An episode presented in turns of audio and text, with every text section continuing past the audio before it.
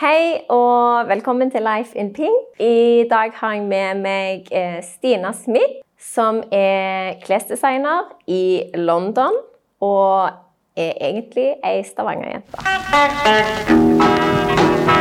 Have you ever met Miss Lindy? She's a gal with the bright red hair. Now she stands high from all the rest. You know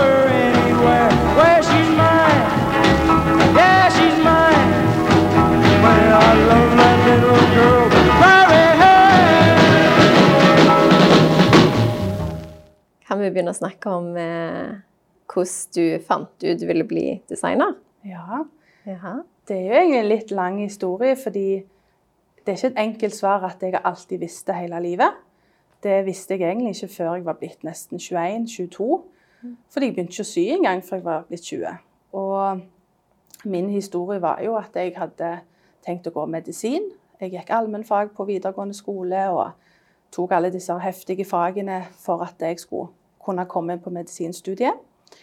For meg så, så var det litt det at jeg ikke helt egentlig visste hva jeg ville, men jeg tenkte at det var et ganske sånn godt utgangspunkt, fordi mine foreldre var veldig begeistra for det, og de ville jo at jeg skulle ta en skikkelig god utdannelse. Og det skjønner jeg jo godt. Så for meg, når jeg eh, var ferdig på videregående, så flytta jeg til Bergen.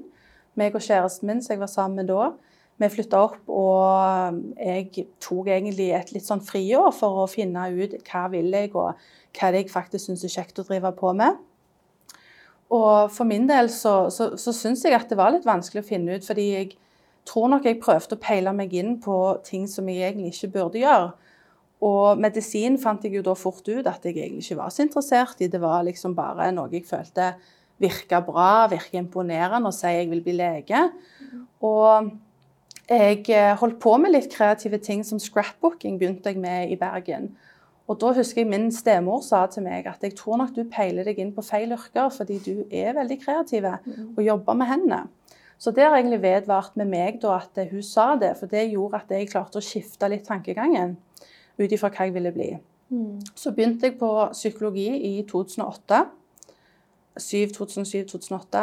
Og det var egentlig fordi jeg hadde hatt det som valgfag på videregående. Jeg tenkte noe må jeg gjøre. Nå har jeg hatt et friår, og psykologi virker gøy. Og det var jo veldig spennende, og det har jo, har jo tatt det med meg videre. Men det som òg skjedde det året, var at jeg ble 20, og mora mi ga meg en symaskin til bursdagen. Da var det egentlig gjort, fordi ting bare klikka på plass for meg. At det, wow, så gøy å lage mine egne klær. For først og fremst så har jeg vokst opp med at mora mi har sydd alt for meg. Når jeg var liten, så vant jeg alltid karnevalspremier på skolen, for jeg hadde best kostyme. Hun lagde ting til sommeren og hadde fine sommerkjoler og 17. mai og jul. Så var liksom alltid veldig pent kledd og hadde veldig fine hjemmesydde klær.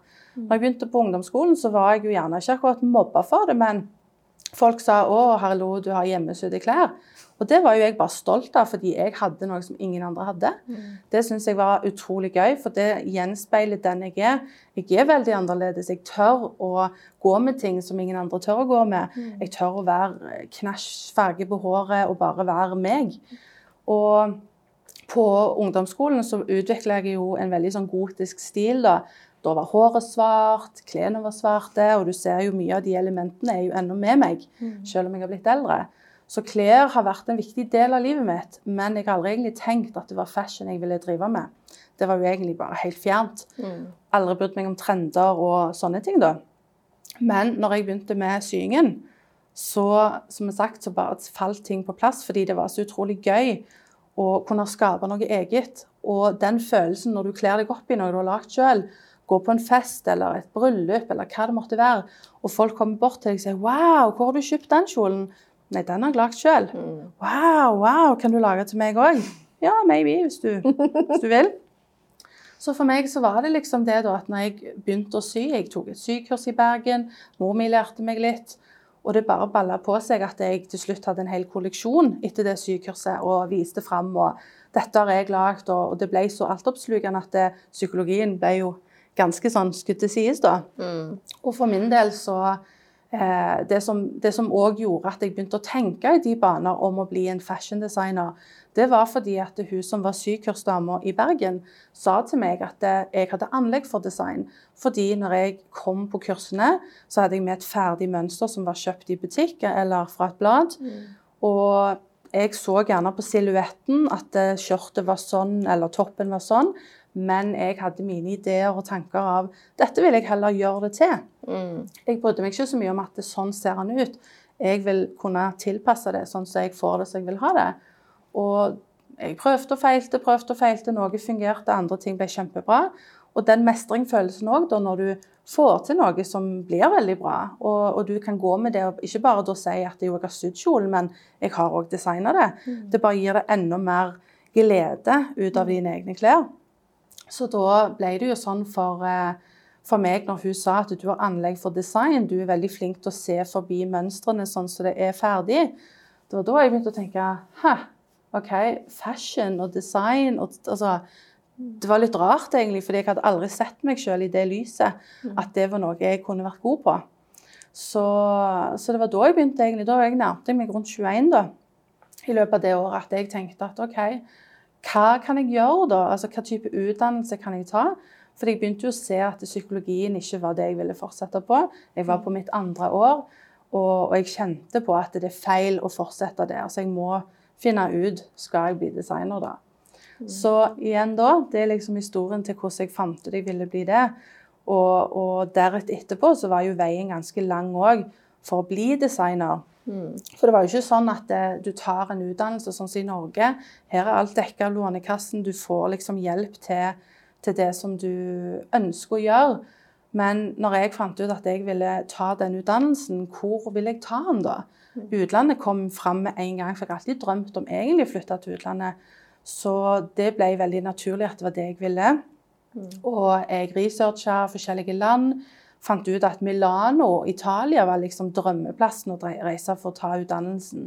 Og det gjorde at jeg i to år tok kveldskurs sammen med kjæresten min for å lære italiensk. Så vi gikk i to år fra jeg da flytta tilbake til Stavanger, 22, 23, 24. Og fant ut at da, skal, da må jeg jo lære språket. Det tenkte jeg var viktig. Kjæresten min var veldig støttende, hadde lyst til å være med. Så han òg var med, og vi lærte oss italiensk. Og vi reiste på ferier og fikk liksom prøvd oss, og det var veldig gøy. Kult. Dessverre så ikke spør meg om så mye på italiensk, fordi i løpet av de årene jeg har bodd i London, da, så, så har jeg ikke brukt det og praktisert det. og. Da glemmer du jo. Men hvorfor valgte jeg ikke Milano, da? Hvorfor ble det London? Hvis du har lyst til å spørre om det. Mhm. For da, da kan du si at det, for meg så handla det om å ta denne skikkelige utdannelsen som jeg fikk beskjed om av foreldre. At du skal gjøre dette, så må det være skikkelig, ikke noe tull. OK?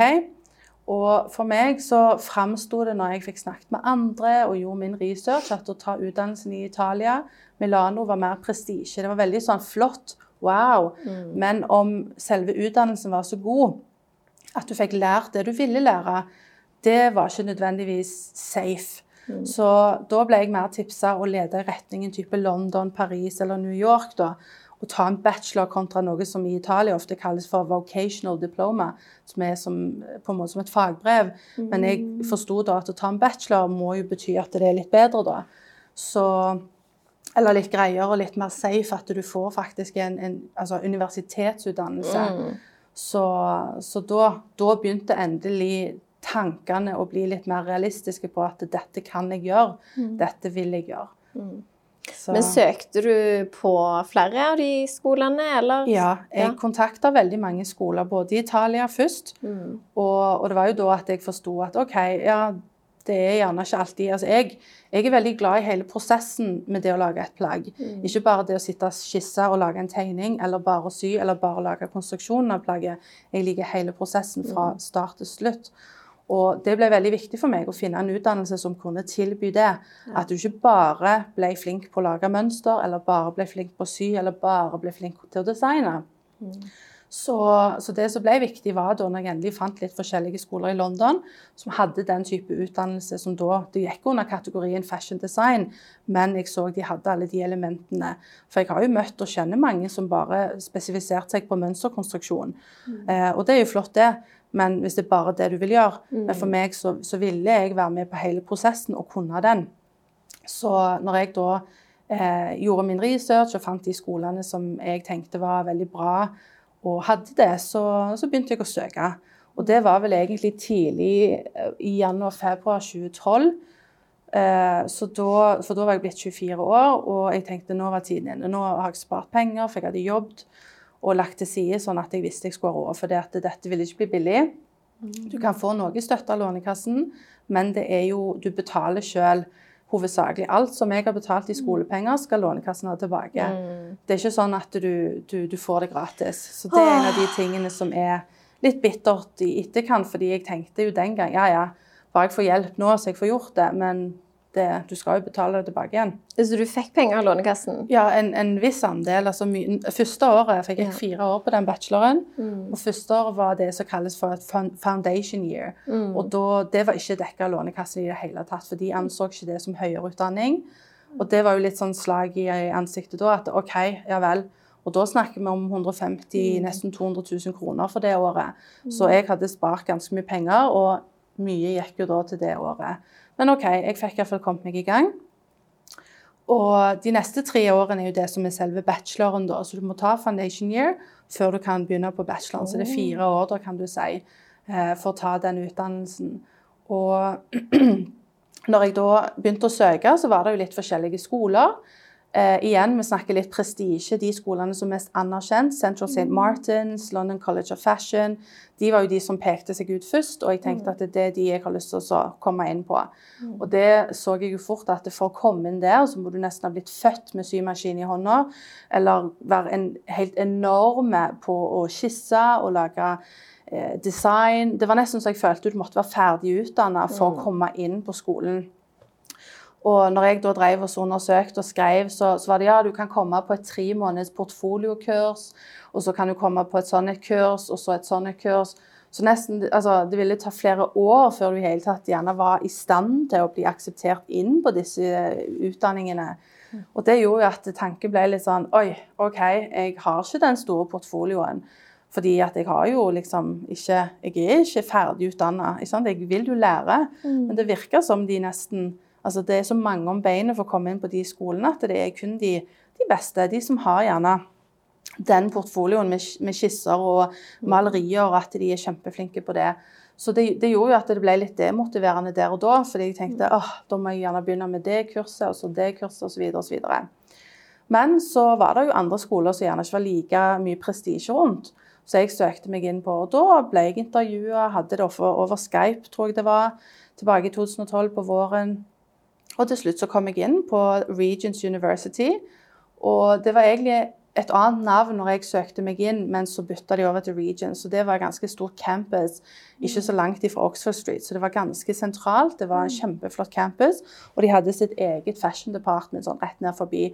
Så det var fem minutter å gå ned til Oxford Circus, liksom. Så det var kjempeflott. Og jeg var veldig glad for å komme inn på den skolen, fordi vi var ikke så mange. Vi var, begynte vel kanskje som type 50 elever, eller students. Og i løpet av de fire årene så var vi bare tolv som graduata. Så veldig mange gradvis datt av eller fant ut at eh, nei, det var ikke helt det store likevel med design. Eh, jeg gikk inn med alt jeg hadde. Jeg fant ut at uh, dette er det jeg vil. Jeg bare kjente på den lidenskapen at dette skal jeg gjøre. Så hvis noen sa til meg at nei, det blir vanskelig, dette kommer du ikke til å få til, det vil bli vanskelig få jobb, så tenkte jeg, vet du hva, jeg vil heller satse alt og vite at jeg prøvde, enn å sitte tilbake senere og finne ut at åh, hvorfor gjorde jeg ikke det? For jeg ser veldig mange som jeg gikk på videregående skole med, som tok utdannelser, og andre jeg kjenner som angrer seg, fordi de bare gikk for det som var litt safe og trygt der og da, og gjerne omskolere seg nå, mens jeg faktisk brenner så for den utdannelsen og jobben jeg har da. Så jeg er veldig glad jeg kom inn på den skolen jeg gjorde, fordi vi var veldig få kontra de andre litt mer prestisjeskolene. Jeg kjenner veldig mange som har gått på de skolene, og da var du en av mange. Du fikk ikke den nære relasjonen til lærerne. Det gjorde vi på vår skole. Fordi selv om vi begynte som 50, så var det jo forskjellige klasser, så vi var aldri mer enn sånn 8-10 elever per klasse da. Og det var jo litt sånn at vi bytta og kryste en annen i forskjellige fag. Noen tok de fagene på våren, og så tok vi, jeg noen andre da. Og så etterpå, altså høstsemesteret, så var det igjen. Sånn at eh, Vi tok jo de samme fagene, men gjerne ikke alltid samtidig. Og, og, og det gjorde jo at du fikk et veldig nært forhold til lærerne. Du kunne snakke med dem om alt og ingenting. Og, og det, det savner jeg jo den dag i dag, nå når det er gått nesten fem år siden jeg var ferdig. Og faktisk kunne gå og snakke med dem og, og, og få litt veiledning. fordi du føler deg jo aldri helt ferdig utdanna selv om du har blitt ferdig. Så mm. Men altså, hva tror du det Altså, hva tror du grunnen er til at så veldig mange av de her skolene som liksom er veldig sånn prestisje, da Sånn som du òg sier, at eh, når du begynte å skulle søke, så er det liksom de der prestisjeskolene som popper ut. ja. Og sånn jeg forstår det òg, så er det jo er det jo veldig sånn forventa at du på en måte nesten allerede skal kunne det som du egentlig kommer der for å lære. Det var det jeg ikke var satt meg inn i egentlig når jeg begynte å søke, eller i årene fram til Eller året, halvannet år fra jeg fant ut jeg ville gjøre dette. I den tiden så, så slo ikke det meg at jeg må jo nesten være ferdig. Men det som jeg gjorde, var jo at jeg sydde enormt mye. Hele dagen, kvelden, natten. Gikk med hver dag til å, å sitte og jobbe med dette. Jeg sydde, sydde, sydde og prøvde meg på design, kjøpte bøker og utvikla meg. Så jeg hadde jo en slags portfolio. Det som jeg òg gjorde når jeg på en måte følte jeg hadde mestra sy til meg sjøl, det var jo å ta kontakt med vennene mine og si hei, vil du ha en kjole, skal jeg sy noe til deg? Fordi jeg så det jo som viktig å begynne å øve meg på andre òg. Andre damer sant? eller jenter. At jeg fikk, eh, fikk prøvd forskjellige kroppsformer. Alt ifra stor, liten, høy, lav. Sant? Altså, det er utfordringer med alle kropper. Og, og det gjorde jo at det, først begynte jeg med vennene mine, og så kom det gjerne venner og venner, og til slutt så visste jeg ikke hvor de hadde hørt om meg. Tilbake i sånn 2011-2012. Og, og det gjorde jo at jeg bygde jo en slags portfolio, selv om det ikke var skisser. Det var mer ferdige plagg. Så når jeg søkte på skolen, så, eller skolene, så hadde jeg jo dette som jeg sendte inn, som kunne vise at jeg kan mønster, jeg kan eh, sy. Men det de egentlig så etter, det var skisser. Enkelt og greit. Og jeg har aldri egentlig helt ærlig vært veldig glad i å tegne. Så det ble litt sånn Oi. Det er jo en av de tingene jeg vil på skole for å lære. Så det var jo veldig sånn irriterende og litt frustrerende at det, du, du søker deg inn på skole, og så får du nesten beskjed om at du kommer ikke inn med mindre du er kjempeflink. Og det, det er jo liksom det da som skurrer. At du, du Hvorfor skal jeg betale dere 200 000 kroner i året for bare å bevise hva jeg allerede kan? Det, det, det henger jo ikke sammen, tenkte Nei. jeg. Så, men jeg tror spesielt den ene skolen er jo fordi det har vært en del designerstudenter som har blitt store, bl.a. Alexander McQueen, som, som kom inn på sånn eh, tidlig 90-tallet og, og jobbet seg opp og fikk et kjempestort anerkjent merke innenfor UK. Og, og, og det gjorde jo at det liksom OK, nå her går du på denne skolen, så kan du bli sånn. Det kan bli den ytterste drømmen om å bli verdenskjente designer. Så det, de lever jo veldig på det. Og, og jeg har jobbet for andre designere som har gått på den skolen.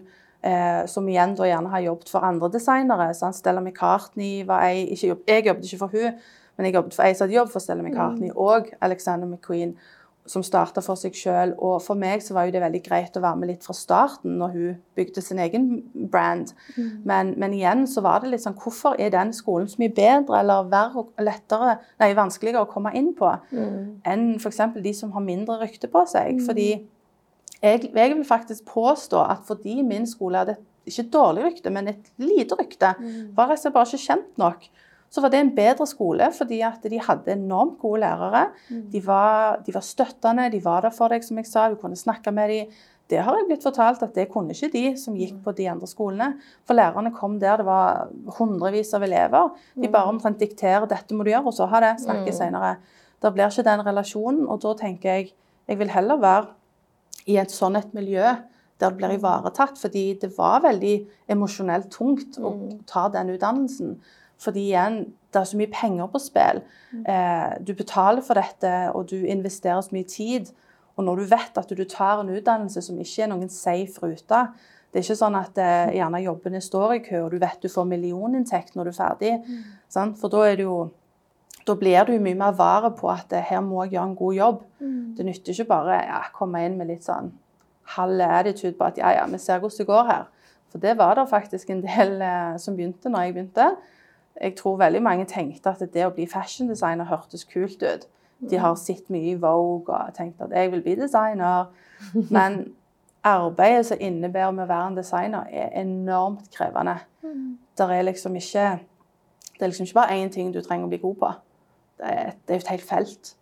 Så, så, igjen med det med skoler, hvorfor de er mer prestisje, det er jo hvem som har gått der, og gjerne hva rykte de har fått etterpå. Gjerne òg selvfølgelig hva lærere de har. Eh, men i hovedsak så er det litt sånn hit and miss. At du får gjerne ikke nødvendigvis den beste utdannelsen bare fordi at skolen er mer anerkjent. Så jeg er faktisk glad, tross alt, at jeg ikke kom inn på de skolene Eh, fordi jeg følte jeg fikk en mye bedre opplevelse enn jeg vet andre har gjort som har gått på de skolene. Mm. Så det er jo hell i uhell, da, kanskje, selv om det var litt irriterende der og da. Ja. Så mm. Men jeg tenker sånn generelt, hvis du tenker prestisjeskole, så jo Da tenker jeg med en gang sånn type du ser på film, sant? At det, alle er sånn arrogante og kalde, og liksom Det er bare sånn ja.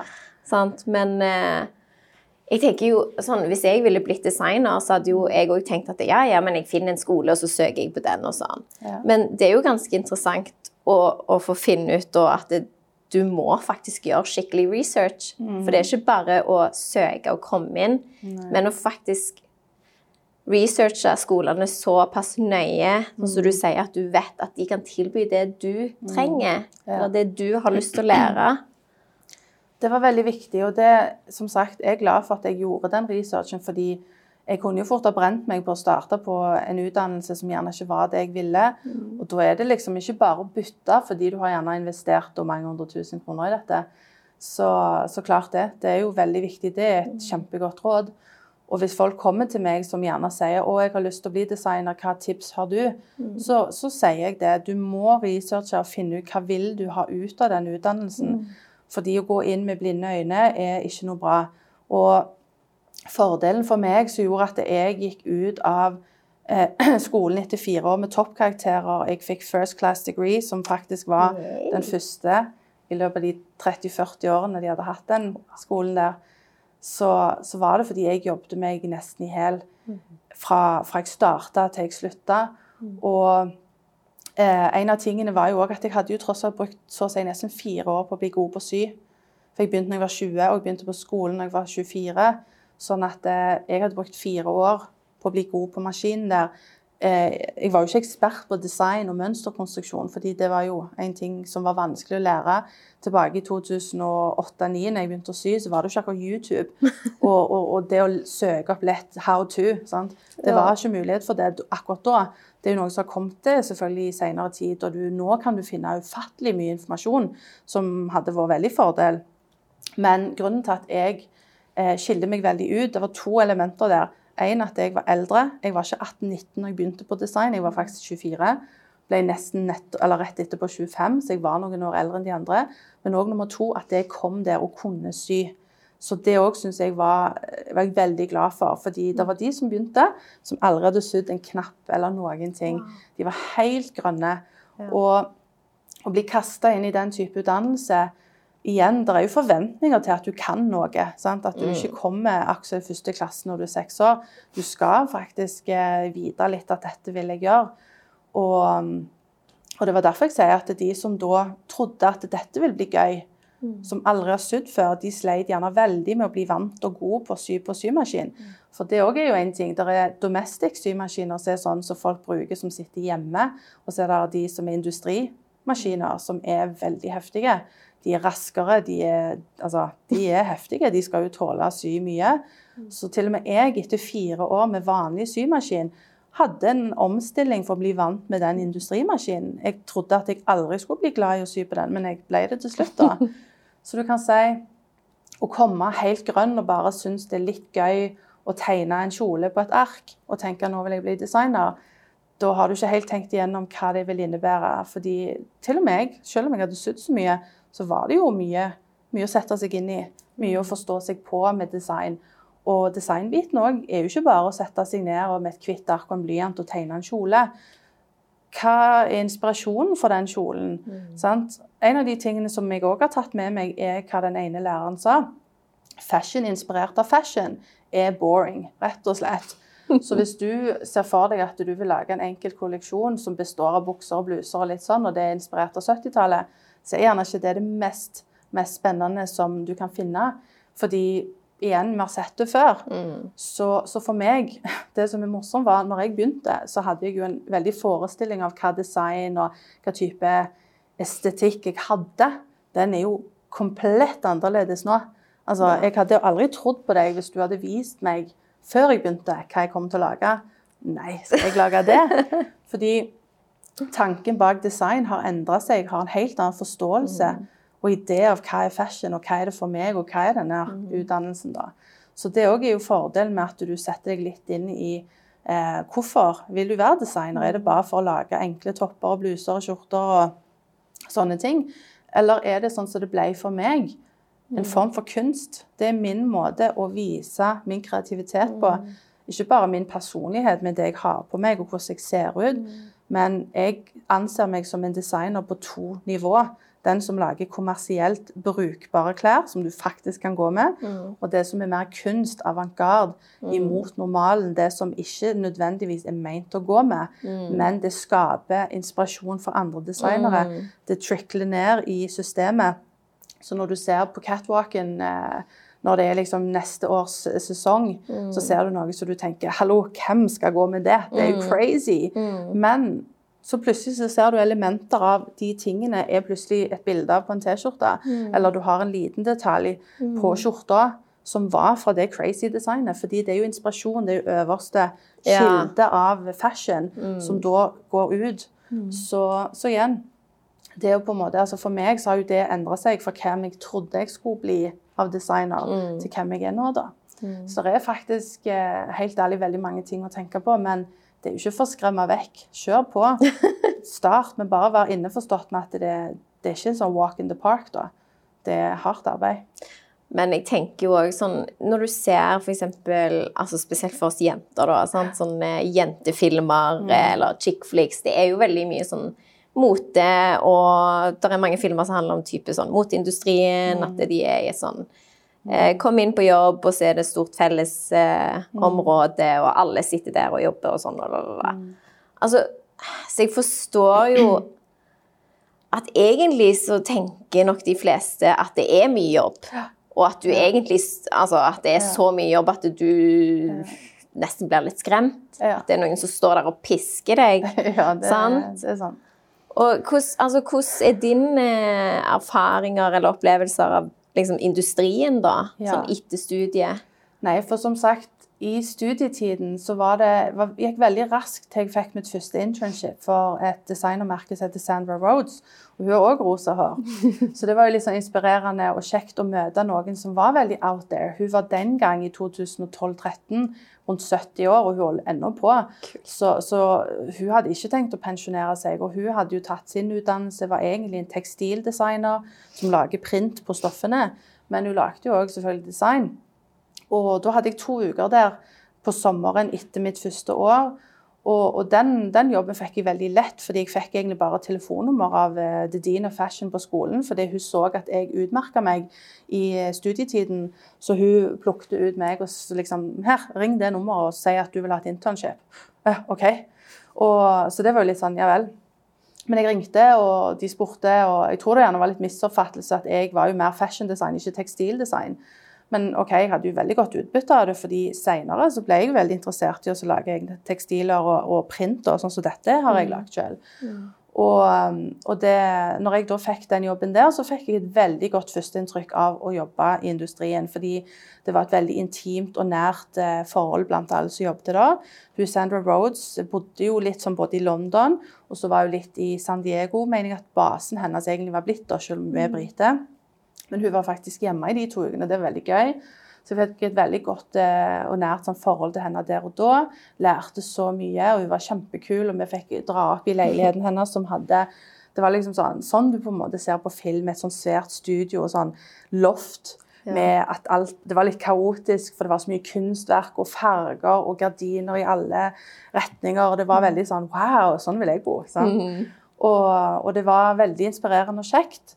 Fikk òg blitt kjent med andre interns, og vi ble gode venner. Og så Mitt førsteinntrykk var veldig positivt. Det var jo ulønna, det var to uker uten lønn, men det, det brydde jeg meg jo ikke noe om. Men da ble jeg òg fortalt av ei annen som jobbet der, at hun, eller om det var venninna, hadde måttet jobbe i et internship i ett år gratis før hun fikk fast stilling. Og da var jo jeg litt sånn Hæ? Seriøst? Altså, det er jo ingen som kan gjøre det, tenkte jeg. Jeg hadde aldri hørt om at det var sånn. Jo, jo, det var veldig vanlig at eh, når du fikk et internship etter utdannelsen din, så var det som regel gratis. tenkte jeg, ja vel, OK, mm, merkelig. Og, og så etter hvert så hver gang jeg fikk et nytt internship eller ny opportunity, så var det hovedsakelig fordi enten så var jeg med på eventer og markedsførte meg sjøl. Eh, personlig så har jeg faktisk alltid vært veldig sjenert. Så det å rett og slett bare sette på en slags maske og tenke at eh, her må jeg bare kjøre på. Nytter ikke å stille seg bakerst i hjørnet og håpe liksom at noen skal, eh, skal komme og, og, snakke med deg. Her må du være frampå, og du må tørre å by på deg sjøl. Mm. Så, så, jeg måtte på en måte egentlig bare omstille den delen av min personlighet som gjorde at jeg da tørde å være mer Hei, jeg heter Stina. Jeg er liksom her for å lære, eller jeg vil liksom grab an opportunity. Mm. Så, så, for meg så, så, så, var det en måte jeg fikk internships på, og, og, følte at det var veldig kjekt miljø. Men så har jeg hatt internships som jeg fikk um, enten gjennom skolen, eller at jeg fikk den med å som rett og slett bare kontakte og ta, søke sjøl. Og, og, det var litt hit and miss. Noen var veldig kjekke. Andre var forferdelige, sånn helt mm. ærlig. Sånn, sånn, at du nesten ikke forstår at du holdt ut i de mm. jobbene. Og, og, og det var spesielt etter jeg var ferdig på skolen. Da, da, da gikk jeg ut med toppkarakterer, som sagt. Jeg hadde vunnet pris for beste kolleksjon av de mm. graduates uh, i min klasse. Så jeg var nok litt sånn Jeg vil ikke si arrogant, men jeg tenker jeg var litt sånn at ja, nå får jeg nok en god jobb sånn med en gang. For jeg fikk jo òg ble intervjua og ble publisert her og der. Fikk kolleksjonen avbilda på Vogue mm. på nettsiden da.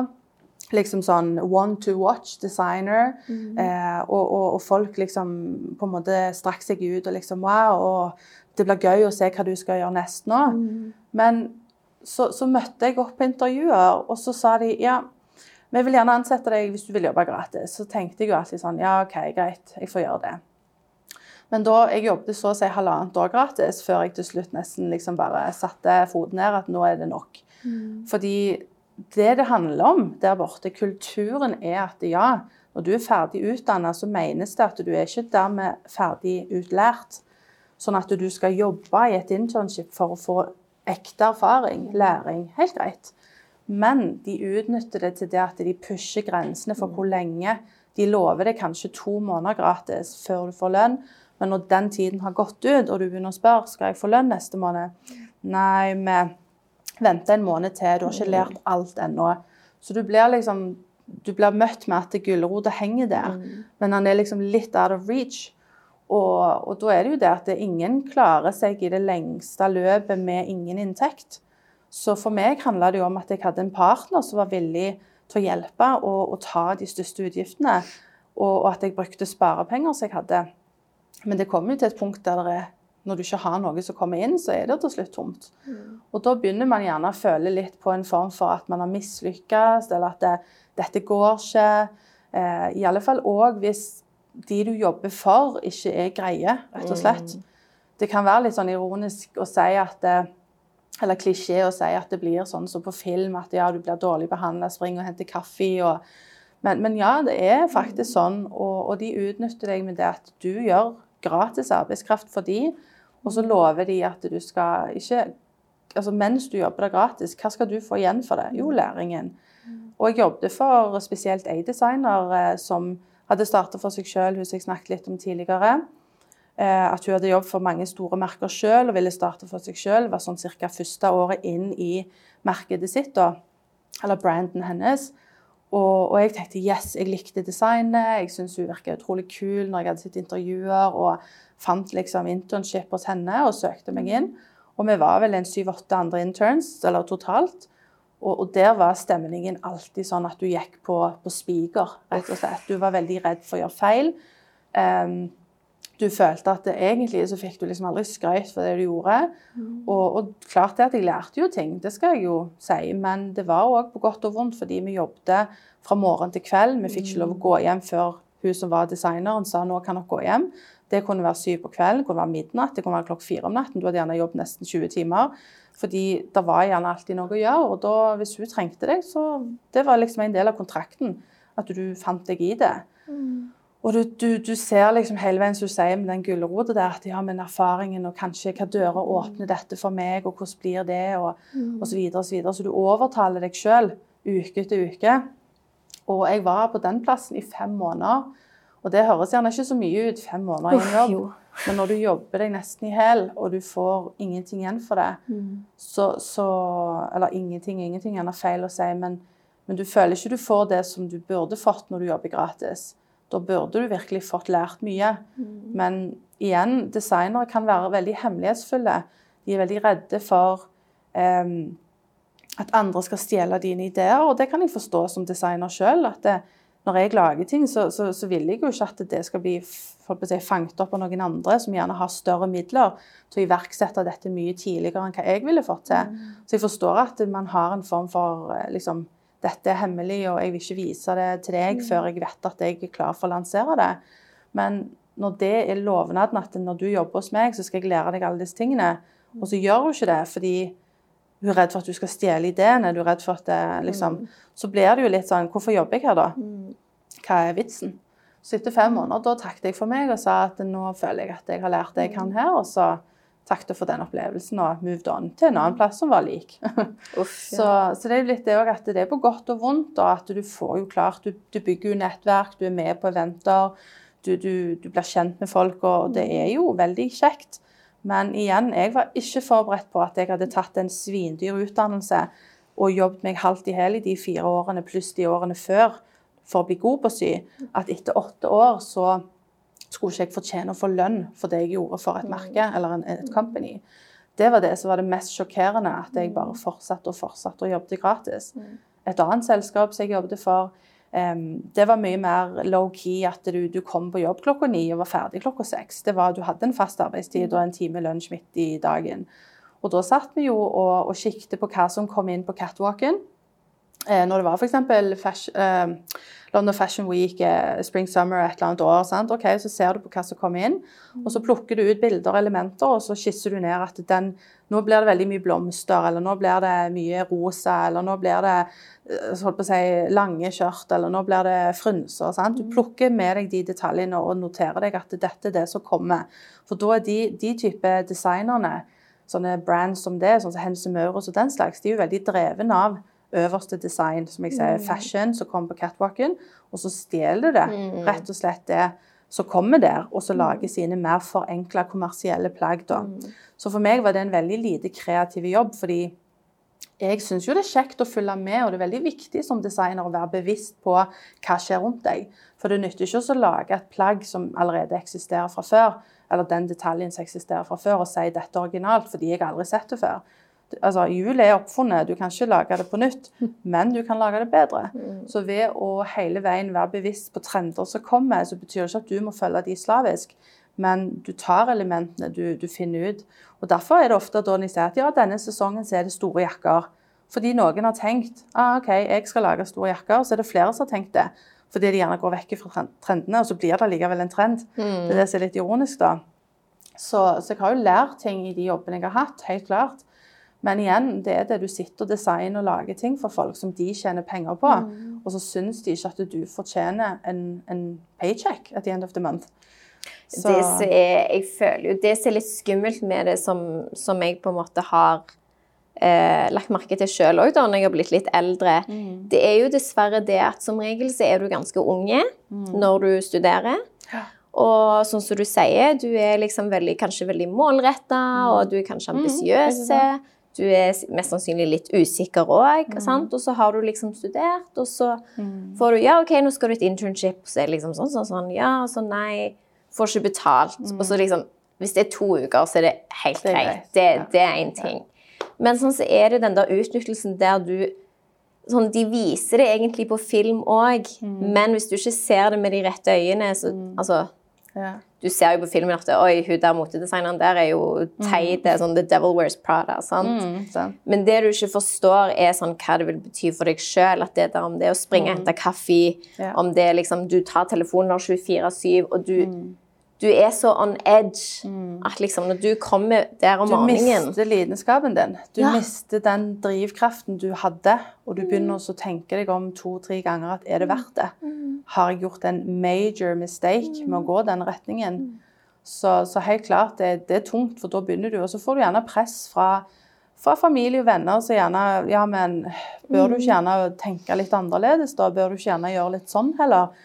Men så sitter liksom den der drømmen inni deg, da, at eh, ja, men jeg har jo kommet så langt. Skal jeg gi meg nå? Bare fordi, bare fordi.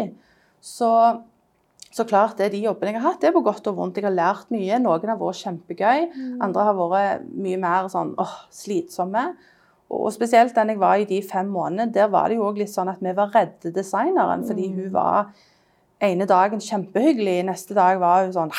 Ja. Altså beit etter deg og kasta ting på deg sant? fordi du hadde satt noe i en feil plass. Så, så jeg igjen, som da var litt eldre enn de andre fordi som sagt, da når jeg var ferdig utdannet, var jeg 28 etter fire år. Mens de andre gjerne var da bare 22. Så det var alltid liksom litt det gapet da, mellom meg og de andre i forhold til hvor vi var på de samme stadiene. Og da var det liksom «Å, Gidder du, tør du å gå inn og hente den som ligger på kontoret der, fordi jeg tør ikke? Sånn. Så det ble ja, ja. Så du må jo kunne Altså, det, det er jo en arbeidsplass. Og jeg har alltid tenkt sånn at hvis jeg får meg interns i framtiden, så skal jeg jo iallfall ikke behandle de sånn. Altså, de er her for å lære, og, og, og så skal jeg behandle de som de er møkk, rett og slett. Altså, du føler deg så verdiløs. Du føler ikke at det, det du har brukt penger på, og den dedikasjonen for å bli god, hva var det verdt hvis det er sånn du skal ha det? Og det var jo det som da begynte å drive meg i retningen at det, OK, da er gjerne ikke det å jobbe for andre meningen med min path i livet innenfor min karriere. At det var det som da begynte å rulle ballen på at det starta for deg sjøl. Da, da er du din egen sjef. Sant? Klart det er jo masse utfordringer der. Men jeg tenkte sånn at jeg vil heller jobbe meg i hæl for noe jeg lager for meg sjøl, enn å gjøre det for noen andre og få ingenting igjen for det. For i det minste så bygger jeg en merkevare, et brand og, og en business som igjen kan gå bra, kan gå dårlig. Men det, ingen har kommet og oppnådd suksess med første forsøket heller. Alle har jo måttet prøve mange ting før de finner ut at dette funker. Så det, ja, jeg har jo tatt med meg internship og, som en læring av at dette kan jeg gjøre, dette må jeg ikke gjøre. En av de tingene jeg har lært, er å, egentlig å slippe litt kontrollen. Fordi veldig mange, og det kjenner jeg på sjøl som en perfeksjonist, det å gi ansvaret på en oppgave til noen andre kan være veldig vanskelig. fordi Tenk hvis ikke den personen gjør det like bra som jeg ville gjort det. Hva hvis eh, den personen gjør det litt sånn? Du, du, du, det å slippe kontrollen og faktisk stole på at de du har rundt deg, de, de, de, de kan det, de òg. De kan faktisk bidra på en sånn måte at du får det sånn som du vil ha det. Og, så det lærte jeg av internshipene mine, eller internshipsene mine. At det lær, learn to let go of the control. Sant? At du tillater at andre hjelper deg. For hvis du skal gjøre alt sjøl, så, så rekker du ikke rundt. Det er bare 24 timer i døgnet. Og, og det ser jeg på nå, nå når jeg jobber for meg sjøl, at jeg jobber nok mye mer enn hva folk tror. For hjernen min er på hele veien. Jeg jobber når jeg drømmer, sover. Jeg jobber ofte om nettene. Jeg er et veldig nattmenneske til gjerne andre sin frustrasjon. Fordi jeg jobber mye bedre da, for jeg kjenner det er en ro rundt meg. På dagen er det mye kaotisk. Det er mailer, telefoner, alle skal ha tak i deg. Det er ting du må gjøre da òg, selvfølgelig. Men på natten så er det på en måte, det er mørkt og stille rundt deg. Du kan være 100% fokusert. Jeg elsker det. Så, så jeg er absolutt ikke noe A-menneske, men tidvis så må jo jeg òg være våken på dagen og gjøre jobben eh, som trengs å gjøres da. Men jeg jobber nok mye mer enn det folk tror. Fordi hvis de ja, altså ikke ser alt det jeg legger i på natten og utover dagen, og, og igjen, sant? Så det, det er en av de tingene òg, at det å starte for deg sjøl er krevende. Men jeg kjenner en mye større glede i dette. Jeg vil gjerne, jeg, det gjør ikke meg noe å jobbe 16-20 timer i døgnet hvis jeg vet at dette er noe jeg får igjen for. For det er mitt, eh, min business. Jeg er den som driver det. Og jeg kan gjøre akkurat det jeg vil. Det er ingen som står og blir sur. Eh, hvis jeg gjør noe feil, da blir jeg gjerne litt sur sjøl. Men det er OK, hva lærte jeg av dette? Da må vi gjøre det bedre neste gang. Så, så det Alle trenger jo erfaring i arbeidslivet. Og det var jo det som var vanskelig å gå på intervju. Du dro med deg en svær portfolio på skulderen der og en trillekoffert der. Med, med masse plagg og antrekk som du hadde lyst til å vise til de du var på intervju hos. Og så var det veldig mange av de litt sånn mer anerkjente designere. F.eks. Alexander McQueen og Stella McCartney og, og altså mange i London generelt. De er litt mer sånn at de forholder seg til loven, der du har egentlig ikke lov å ha interns over lang tid uten å gi dem lønn. Kun hvis du er student. Da kan du være der i hele studietiden din uten å få lønn.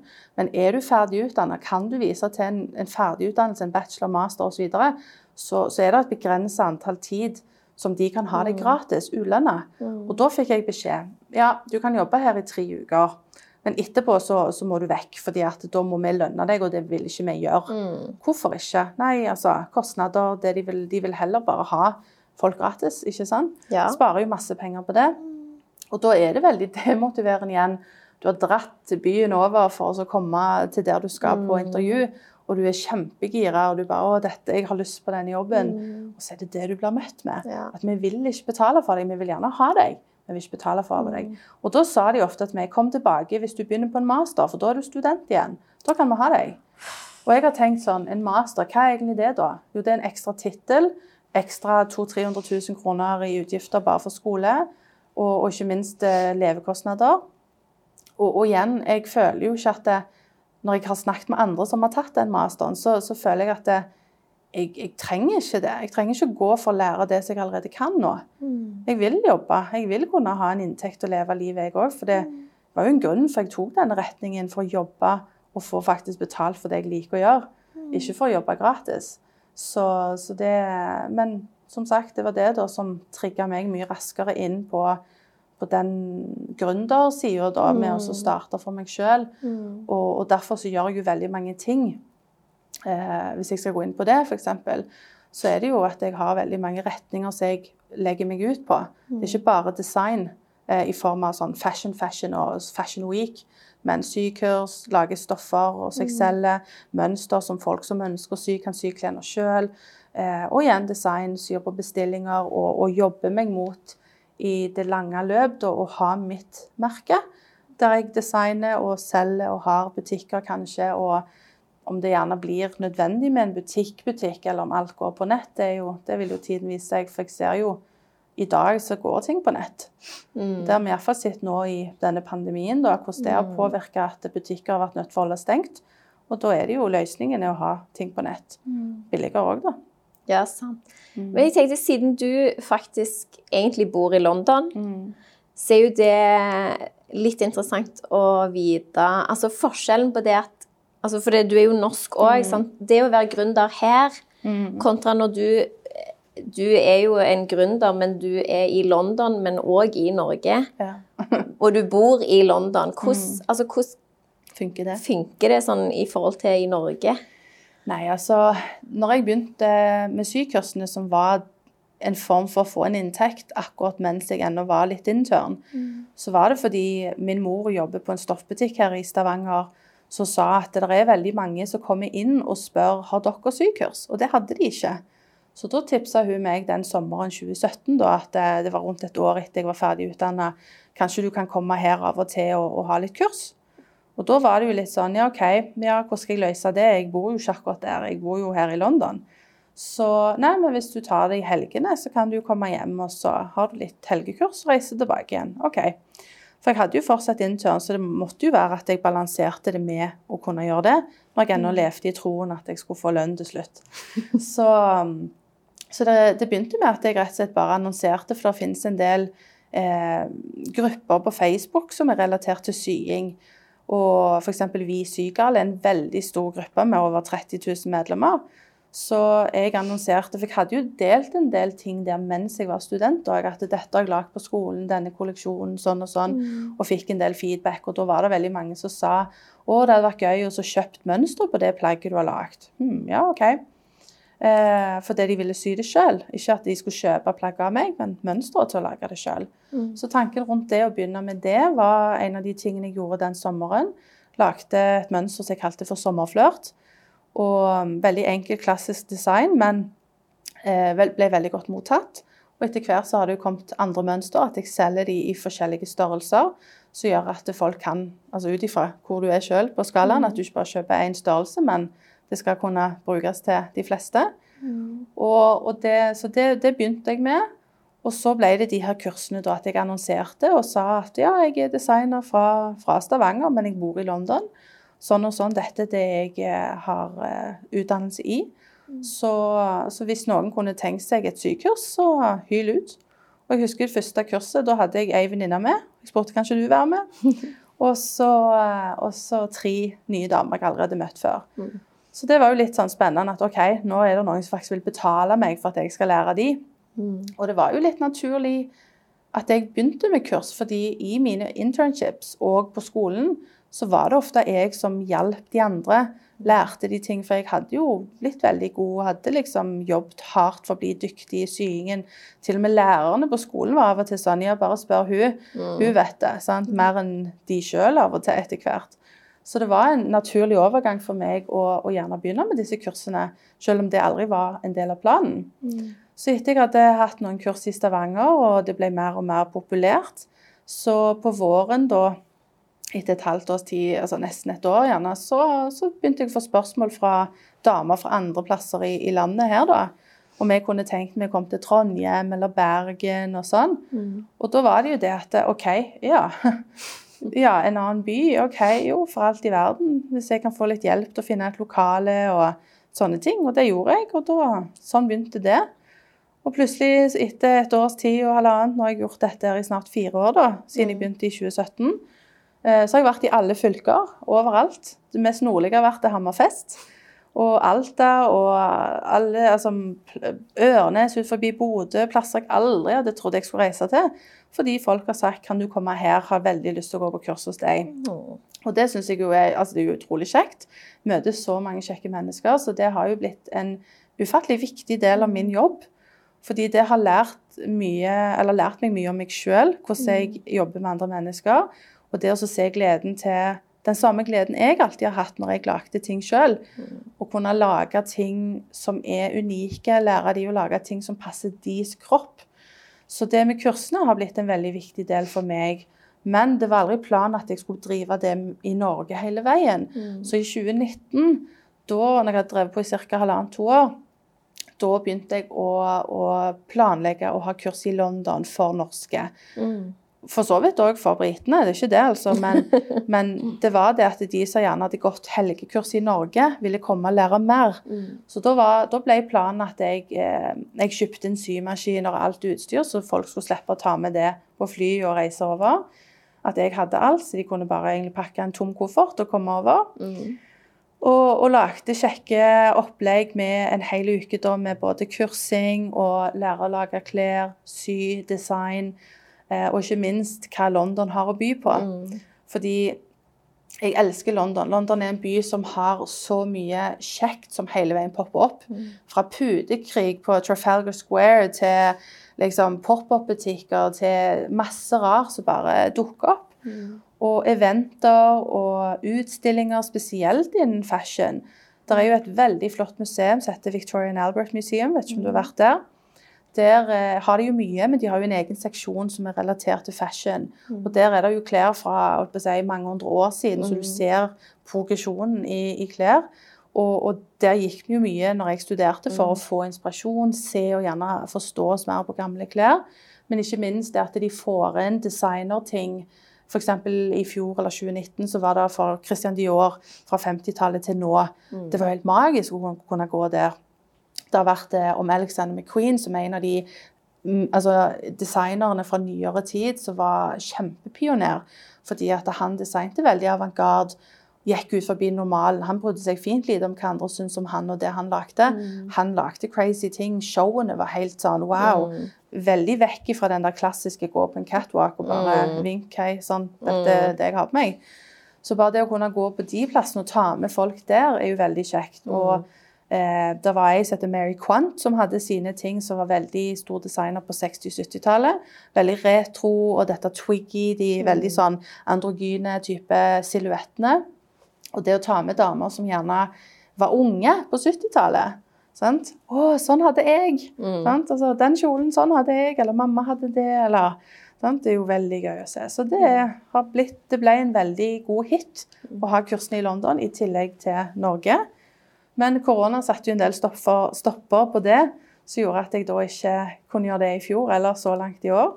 Så planen min i forhold til det med å jobbe London og Norge, var jo å integrere det mer mot London, så jeg kan være hjemme. Fordi det er jo på sikt veldig krevende å drive reiser rundt til nye byer hver helg. Så, um, men det med mine kurser er, har blitt en så stor del og så viktig del av den jeg er og driver med. Fordi jeg får så stor glede av å hjelpe folk til å lage klær som passer. For det er jo et veldig viktig tema, passform, som jeg eh, brenner for. Fordi jeg har aldri vært en sånn sulfide sjøl. Alltid vært ei kraftig jente opp og ned i vekt. Hadde det ganske fælt i ungdommen når jeg ikke kunne gjerne gå med de samme klærne som de andre jentene gjorde, fordi jeg var større. Og det var vel òg mye av grunnen til jeg fikk mamma til å sy egne klær til meg, så jeg fikk klær jeg ville ha. Og, og det ser jeg jo når folk kommer på mine kurser, kan være alle aldre fra Altså de yngste er jo som regel gjerne 18-19-20 til eldste 70-80. Og det kommer damer som har eh, store utfordringer, hatt det gjerne hele livet, eller det har oppstått nå i det siste. Kanskje noen har hatt brystkreft og måtte fjerne et bryst, eller begge.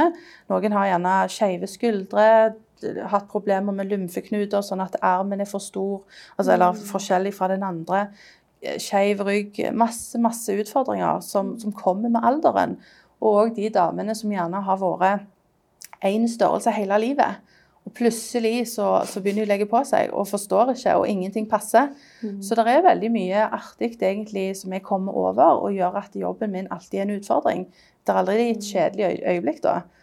Og gleden for meg er jo å se at jeg kan være med og bidra til at noen får et plagg som former seg etter deres rygg, og bryster og, og skjevheter, og, og for de da som òg er altså i gåsetegn den ideelle eh, figuren, silhuetten.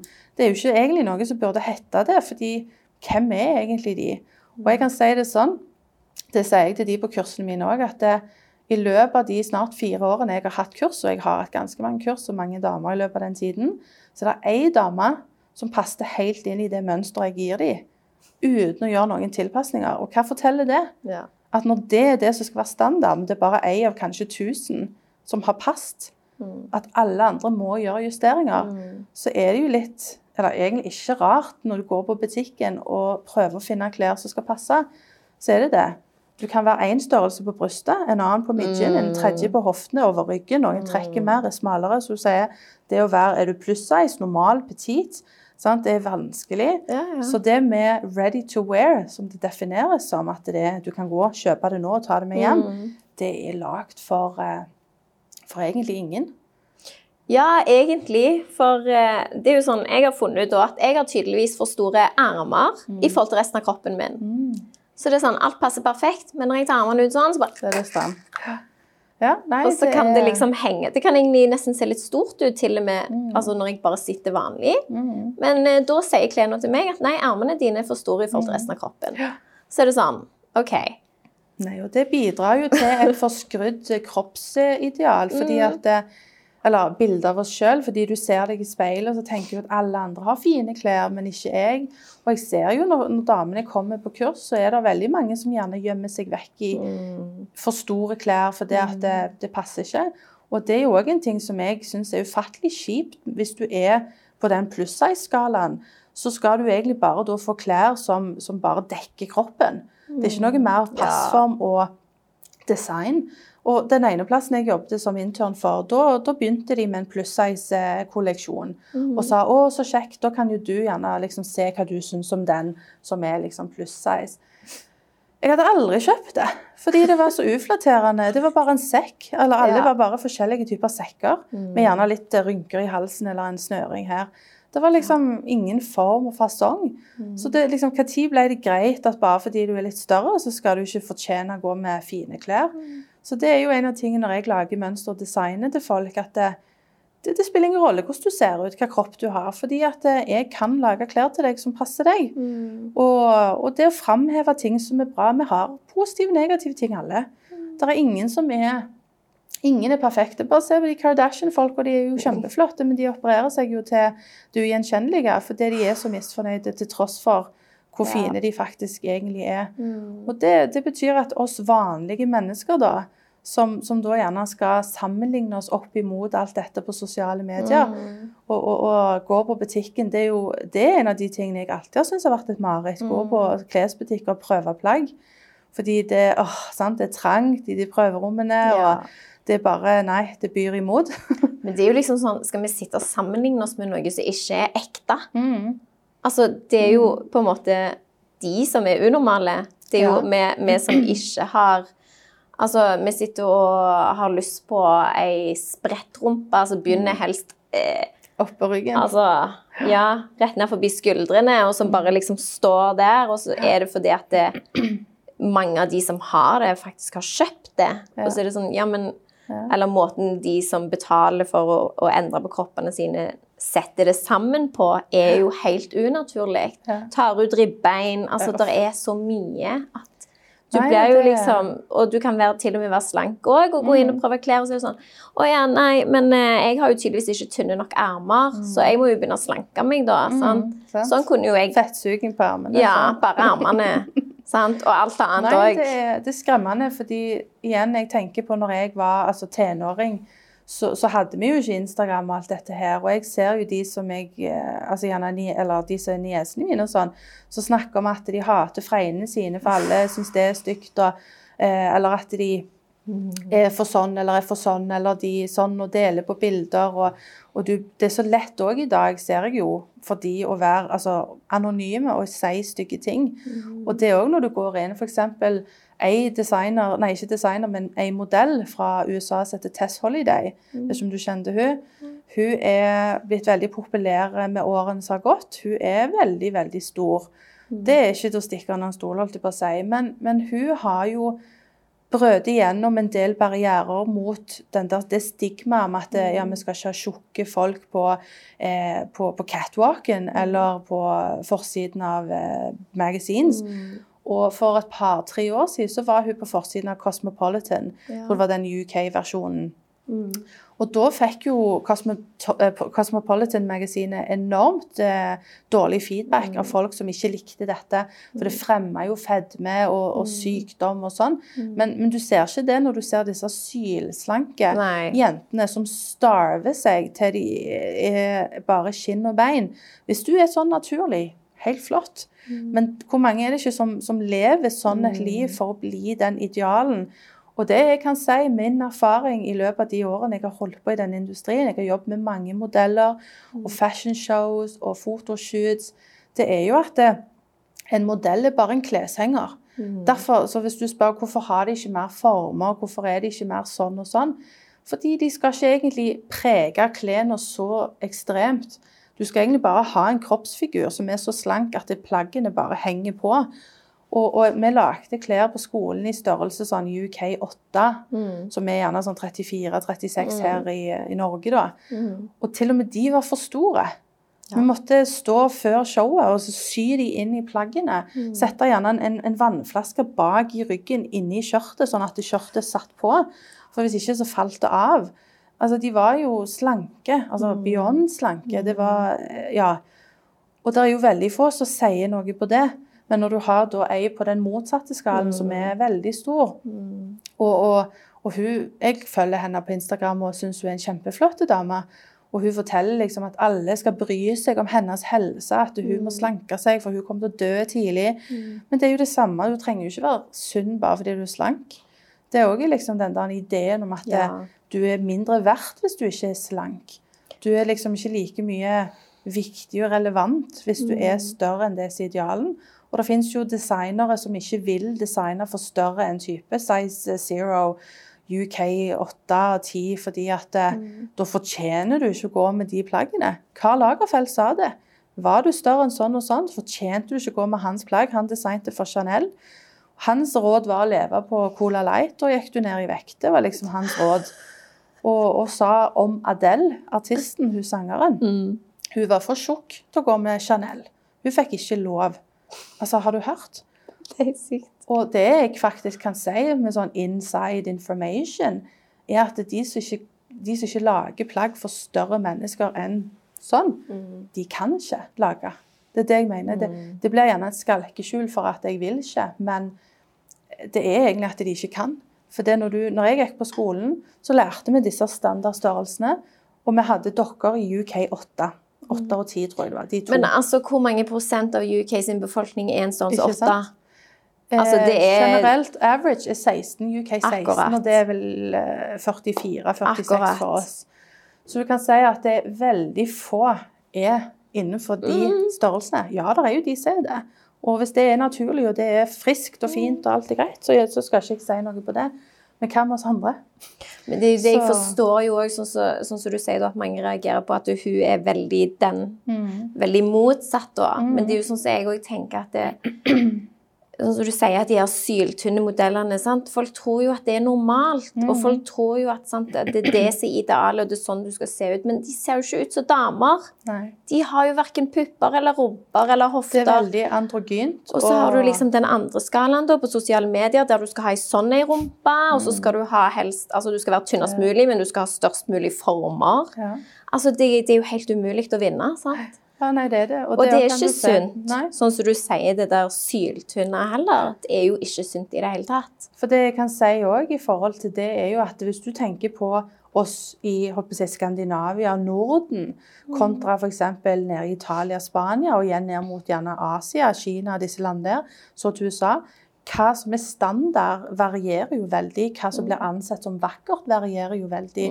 Um, men, men, men det å så si Hvis du handler på eBay en, eh, en T-skjorte fra Kina, som da er ekstra ekstra large, så er gjerne det en medium her. sant? Det har jeg jo, gjort. Det er jo det òg, sant. At eh, hva er egentlig large, hva er egentlig small? Det er også, altså, så det når jeg har mine, altså Jeg har jo en størrelsesguide jeg opererer med, som gjerne forteller at størrelse 40 skal du ha sånn omkrets i brystet, sånn i midjen og sånn i hoftene. Sånn generelt skala. Og du kan si, Jeg pleier alltid å si at eh, du kan ha ti damer som har akkurat den omkretsen på bryst, midje, hofte. Men den ene kan ha veldig bred rygg, smale pupper. Den andre kan ha store pupper, smal rygg. Sånn. Altså, Det er mange ting som spiller inn på den ene omkretsen der. Det er jo bare rundt kroppen, det er jo ikke alle formene. Så det òg er jo det at eh, Hva er egentlig en størrelse 40? Sant? Hvis du går og så handler bukser fra den ene til den andre butikken, så er 40 sånn. Den andre har 40 så er den mye større eller mindre. Der, der er liksom ikke egentlig noe fastsatt og bestemt at sånn skal det være. Og jeg vet òg eh, Marilyn Monroe hun var en størrelse 42-44, men det var på 50-tallet. Det er ikke det vi forbinder med 42-44 i dag. Sånn at det, størrelsene òg er større i dag enn det det var før. Fordi at det, vi er jo blitt generelt større, høyere, bredere. Men hun var jo heller ikke en size zero, Nei. og hun var jo idealet på den tida i Ja. forhold til Og hun var jo òg faktisk veldig lav. Sant? Ja. Og hun hadde jo midje med rumpe og lår og alt dette her. Og, og hva hun blir fremdeles den dag i dag, 70-80 år etterpå, sett på som det sexsymbolet, liksom. Så, men, men det som var Jeg har jo gjort research gjennom studietida mi og hatt om forskjellige brands. F.eks. Sara, som er veldig populært. Starta i, eh, i, eller på rundt 70-tallet i Spania og har jo blitt kjempepopulært Europa over. Han eh, som eh, starta det merket, han var veldig lur. Han, fikk, han, han kan du si var en av grunn, altså, grunnleggerne for fast fashion. Fordi at Sara opererer på en måte. De har veldig begrensa størrelser. For de vil ikke lage til større mennesker. Det vil koste mer. Både for mer fabric og stoff og sånn dette her, men òg det at det, det, det er mer krevende. Det krever mer kompetanse å lage plagg til folk som er større, som har mer former enn rette veldig A4-type kropper. Derfor vil du se veldig få butikker av Sara i USA, pga. der er de gjerne generelt sett større. Det er ikke markedet de vil begi seg ut på. Så Sara opererer jo med at de ser hva som kommer på catwalken, f.eks. nå. Og så sitter det folk og, og, og, og tar inn den informasjonen, og så designer de noe nytt. Nytt, i gåsetegn. Og så produseres det på i løpet av tre-fire uker. Det er kjemperaskt. Og det blir sendt ut i butikkene. Det som selges, det OK, da lager vi mer av det. Det som ikke selges, det tar vi ut av butikken og kaster det. Kjempedårlig opplegg. Mm, de bare kastes. De, de, de bare bryr seg ikke. Så, så de som jobber i butikkene, de sitter jo ofte og noterer ja, nå fikk vi inn den toppen. Den er det bare solgt én av hele uka.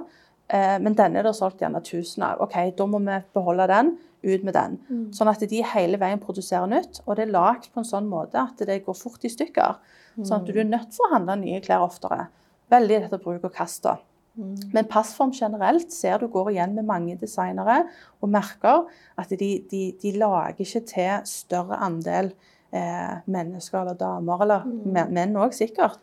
At du skal være den inni den boksen. Hvis ikke så må du ta til takke med de dårlige klærne som fins. Stygge, uflatterende klærne som fins for større. Så, så det òg har jo vært veldig mye av min drivkraft. og at det å lage klær til alle, uansett om du er tynn eller stor. For jeg kjenner jo òg venner som har vært, er, har vært veldig slanke. Så du sier med at du havner plutselig på den skalaen. At det, du finner ikke plagg som er store nok. Eller at, nok, eller at du er lav. Ja, ikke sant? At det alltid er noe. Så sånn sett så er det rett og slett ready to wear klær. Det er ikke skapt for oss mennesker. Det er bare lagt eh, Du kjøper det. Det er det du må ta til takke med, for det er det du finner. Det er jo egentlig et relativt nytt konsept for 1900-tallet. At eh, før den tid så gikk du og fikk klærne skreddersydd. Ja. Det var jo ikke vanlig å gå på butikk og handle klær for, altså i gamle dager. Jeg har aldri tenkt over at det, selvfølgelig er det mer komplisert for en designer å lage klær som passer. Mm. Da må du plutselig ha en size zero med former, for eksempel. Eller altså Så når jeg gikk på skolen, så sa jeg til lærerne mine, for vi måtte jo sy i disse små størrelsene. Og jeg har aldri vært en size 8 i UK. Og, og, så det gjorde at jeg kunne jo aldri prøve mine egne klær som jeg lagde. Det var jo andre klassen som gjerne var det, og flott for de. Men, eh, men for meg, da, når jeg begynte å spørre kan jeg lage klær i den størrelsen, hvordan gjør jeg det, da, for eksempel? For da kommer vi inn på det med gradering. Hvordan graderer du opp og ned en, en størrelse? Du begynner gjerne med f.eks. størrelse 38, så graderer du ned noen størrelser. Så du har 36, 34 og 32 og sånn, og så det samme opp igjen. Så det går ut for proporsjonelt da, at det er så og så mange centimeter skal neste størrelse opp eller ned. Ja. Og, og igjen, eh, du kan jo si at jo større en person blir, så er det jo ikke det at du nødvendigvis blir lik proporsjonell ut. Du blir jo ikke så mye høyere, du blir jo bare egentlig bredere. sant? Litt høyere, kanskje. Men, eh, men det òg altså, er jo en av tingene når jeg lager mønster som jeg selger, så er det en av den lengste prosessen. Det er det som tar tid. For jeg kunne lagd sikkert 100 mønster i måneden, men det å gradere opp og lage sånn som jeg tilbyr opp mot 14 størrelser, fra type 32 helt opp til, til 56, eh, eller opp til 60, sant? for å ha et godt sprang der. Og da er det jo viktig at det som jeg designer til ei på 30, i størrelse 32, hvis det skal være samme designet til ei på 60, størrelse 60, så, så vil jo det naturligvis gjøre at proporsjonene er annerledes. Så hvis jeg bare graderte det opp sånn proporsjonelt sånn, i forhold til det skjemaet som jeg skulle ha fulgt, så hadde det ikke passet. Og jo større man blir, jo mer må du tilpasse. Det er sånn uheldigvis da i gåstegn, fordi at det, det blir mer arbeid med det. Så, nei, så, så i forhold til det med fashionindustrien og sånn, så kan du si at det, den, den er veldig vanskelig for normale mennesker. Og, og igjen, sant? som designer så liker jeg mange ting. Jeg liker å designe ut ifra altså kreativt, emosjonelt lage ting som jeg ønsker skal skape litt blest. Være litt sånn Wow, hva er det? Oh, crazy. Vet du hva, hva folk gjerne sa når jeg hadde lagd min avgangskolleksjon, at eh, hvem skal gå med det? Nei, det er ikke akkurat det som er målet, ironisk nok, fordi du lager klær. Men det å lage ting som, som kanskje er med å skape trender, gjør at folk eh, eh, ser deg, ser at du, du skiller deg ut. Du tør å lage noe som ikke er sånn typisk og safe. Så klart det, når jeg gikk på skolen, så, så var det jo veldig mye sånn bekymringen i det. fordi når du er en designer, så, så nytter du ikke igjen så jeg ser, å være sjenert og redd for kritikk. Klart det er ingen liker kritikk, og det er jo aldri kjekt å høre noen si at de likte ikke det. De syntes ikke det var fint, eller syntes det så teit ut. Sant? Eller hvem vil gå med det? Det er jo litt sånn kommentarer som jeg gjerne biter meg merke i. at det, Nei, men, men du har gjerne ikke helt skjønt konseptet rundt hva er fashion. Fordi fashion er jo ikke bare klær. Det er jo egentlig kunst som da blir gjort om til klær. Så, så, så jeg anser meg selv som en sånn konseptuell designer. Fordi jeg liker å lage ting som har litt mer mening. At jeg kan gjerne en eller annen gang Hvis jeg blir stor og famous, så kan det stå på et museum. Sant? At, Og det er jo det som er med, kunst som man kanskje ikke tenker når man tenker klesdesign, da, men kunst generelt som mange ting, da, det er jo det at det skaper en følelse. Sant? Og det er sånn, jeg, jeg driver jo også med markedsføring, men jeg òg I hvert fall hvis du er en intuitiv person, som du ofte er hvis du er kreativ, så er det det med at det må ha en følelse. Det er ikke bare kommersielt. Sant? Jeg har jo sett bildene av de her eh, svære avantgarde på, på catwalken, og jeg kan jo se at Ok, Det er jo umulig å gå i den kjolen sånn, hvis jeg skulle gått med den og satt meg ned på en stol. Sant? Det hadde sikkert sett veldig rart ut. Men det er jo dritkult. Og sånn som du sier, det er inspirerende, og det kan gi en følelse og liksom Ja. Det, det kan brukes til, til kunst i f.eks. Si det var med altså i en musikkvideo. Altså Det er jo en helhet. Det er ikke bare Det er jo det som har gjort òg når jeg gikk på skolen, som sagt, fra når jeg begynte. Hva tanker jeg gjorde meg, og hva jeg trodde jeg ville lage. En av de tingene den ene læreren sa som jeg var veldig glad i, at eh, her skal du ikke lage pink frilly dresses. Altså sånn Å nei. Nei vel. OK. Hmm, ja vel, hva skal vi da lage? Så, så det å på en måte forstå den der designideen der med hva er et design, egentlig, så, så lærte jeg å finne muligheter i alt når jeg gikk på skolen. Fordi bare det å være i et rom og se hva, hva type tapet er det på veggen, hva gardiner, hva tekstur er det på gulvet. Når jeg går rundt, så tar jeg ofte bilder av ting, random ting, som jeg bare får en sånn initiell feeling på at wow, jeg likte et eller annet med det. Jeg vet ikke hvorfor alltid. Det kan være alt fra en sprekk i en husvegg, der det ser litt sånn litt stygt ut, falleferdig. Eh, F.eks. det å gå på tuben og se hvordan alle står tettpakka og bare liksom klamrer seg fast for their life og, og skal på jobb. Altså, ideen rundt det kan være med å skape en kolleksjon. Bare det at det, jo, jeg ble inspirert av at det var så tett på tuben. Altså, ok. Så, så jeg ser jo selvfølgelig på det som andre òg lager, for å få en idé om hva som finnes der ute. hva som er, For jeg har jo ikke lyst til å lage en kolleksjon som akkurat noen andre også har lagd. Så det å være litt bevisst på hva du ser i, i, i den industrien er viktig. Men designmessig så, så er jeg en sånn konseptuell designer at jeg kan plukke ut et ord. Gjerne jeg leser noe, så bare jeg likte ordklangen av det, det ordet, eller lydklangen, vet vel gjerne et eller annet, i forhold til hvordan du, hvordan du leser det, hva den feelingen jeg fikk når jeg leste det. Og det var jo annet da, igjen, på studiene fikk vi jo veldig frie tøyler til å bare utfolde seg kreativt. Det var ikke sånn at nei, det er feil. Det blir litt sånn som filosofi.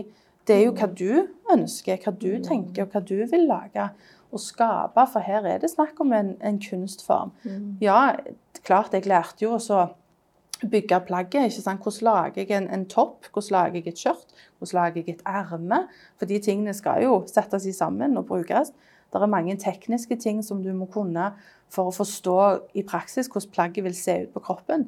Sant? Og det er også litt morsomt når jeg, i forhold til når jeg ser hva jeg gjerne tegnet og lagde før jeg begynte. At det, ja, jeg hadde tydeligvis lite forståelse av akkurat det.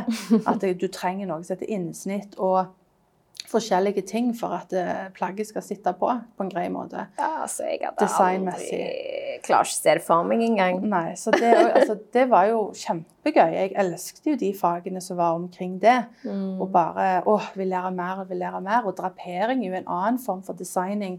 For det, du har liksom mønsterkonstruksjon der du sitter med noen baser som er rett og slett en blokk, en topp og et skjørt og et erme som er helt standard. Og det er, ikke, det er ikke et design engang. Det er liksom bare fundamentet for videre design. Og det er en måte å designe på med å flytte og manipulere ting og lage, men drapering er du mye mer fri på. Og jeg, synes, jeg husker at eh, drapering sleit jeg med i starten, fordi hva er egentlig drapering? Jo, vi fikk gjerne to-tre meter med stoff. Gjør noe med det stoffet. OK, hvor begynner jeg? Hva gjør jeg? Jo, nei, bare sånn. Men det er jo system i det òg, hvordan du begynner å plassere det på disse mannequin-stokkene. Du kan brette og dra og forme stoffet og gjøre ting. Så I starten så syntes jeg det var ufattelig vanskelig, for jeg følte ikke helt da at jeg fikk den rette veiledningen. Det ble liksom bare ja, show me what you can. Can do, OK, ja, men øh, jeg trenger litt veiledning. Så det kom litt sånn sakte, men sikkert før det bare liksom ah, OK. Så nå er drapering en av de tingene jeg liker mest. Fordi du har Jeg har designa ting som jeg aldri hadde kunnet egentlig tenkt meg til hvis jeg bare satt og skissa på et papir. Fordi at du sitter du, du, Det er ikke som du former leire. Du, du får en helt annen touch-feel på, på det du holder på med. Og igjen, når jeg da designer, så har jeg jo ofte et konsept. Det er ikke bare sånn at nei, nå har jeg lyst til å lage noe som er inspirert av 70-tallet, og så ser jeg på formene slengbukser og crazy retrofarger, og så that's it. Jeg går inn og som sagt, min avgangskolleksjon gikk jo ut på angst. Den følelsen av hva er angst. Ja. Og da kom det jo inn sånn som det er tilbake med psykologien, at jeg hadde utdanna meg eller holdt på litt med det. Så jeg sier utdannet. um, og, og at jeg eh, eh, Altså, hva var angsten da? Fordi jeg har ikke slitt med det før. Men jeg hadde investert all min tid, så mye penger og krefter og jobbing. Så når jeg hadde utmerka meg veldig godt på skolen, og alle bare 'Å ja, liksom, hun er den flinke', eller hun liksom spør hun hvis det er noe, osv., osv. Så, videre. så da husker jeg når de som graduata året før meg, altså når jeg hadde vært ferdig med tredje år av de fire, så sa noen til meg 'Å, vi gleder oss sånn til å se hva du kommer til å lage'. Mm. Da skjedde det noe i kroppen min der jeg fikk en blokkering. Jeg fikk litt panikk. Hva hvis jeg ikke får innfridd forventningene til folk?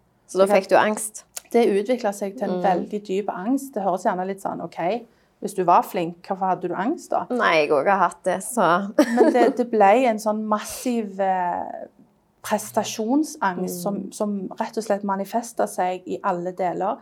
Til at jeg ikke klarte å være kreativ, jeg hadde det ikke greit med meg sjøl. Jeg brukte hele den sommeren før det siste året til å liksom prøve å roe meg ned. og liksom, 'Dette går bra.' Det ble bare verre fordi alle sa til meg 'Slapp av, ikke bry deg. Bare, bare ikke tenk på det.' Det var det verste rådet egentlig jeg fikk, fordi det gjorde det bare verre. Å prøve å undertrykke det som kroppen din og tankene dine prøver å fortelle deg. Så, så det som var løsningen for meg, var rett og slett å embrace det. Jeg var nødt for det. Jeg begynte da å tenke hvorfor føler jeg det sånn? Ok, jo, jeg føler meg litt sånn klaustrofobisk, at jeg er nå låst i denne utdanningen. Jeg har brukt så mye penger og tid og krefter på dette.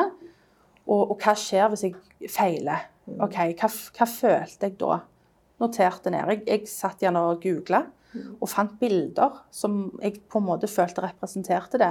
Igjen referering tilbake til det med tuben, å stå på en tettpakka tube der folk er sånn oppi deg. Du har ingen personal space lenger da, og du skal gjerne stå sånn i en time, kanskje lenger. Så det, liksom, det var med å på en måte liksom Ja, jeg føler det litt sånn hele veien. Restriksjon, begrensning, litt sånn låst inne. Em, igjen da, når jeg gikk og så, og jeg så gjerne det var sprekker på et, på et hus, en husvegg, eller eh, brosteiner som mangla. Så jeg tok bilder av sånne ting som på en måte var litt sånn ugly. The ugly truth of things. på en måte, Den, den, den vonde sannheten.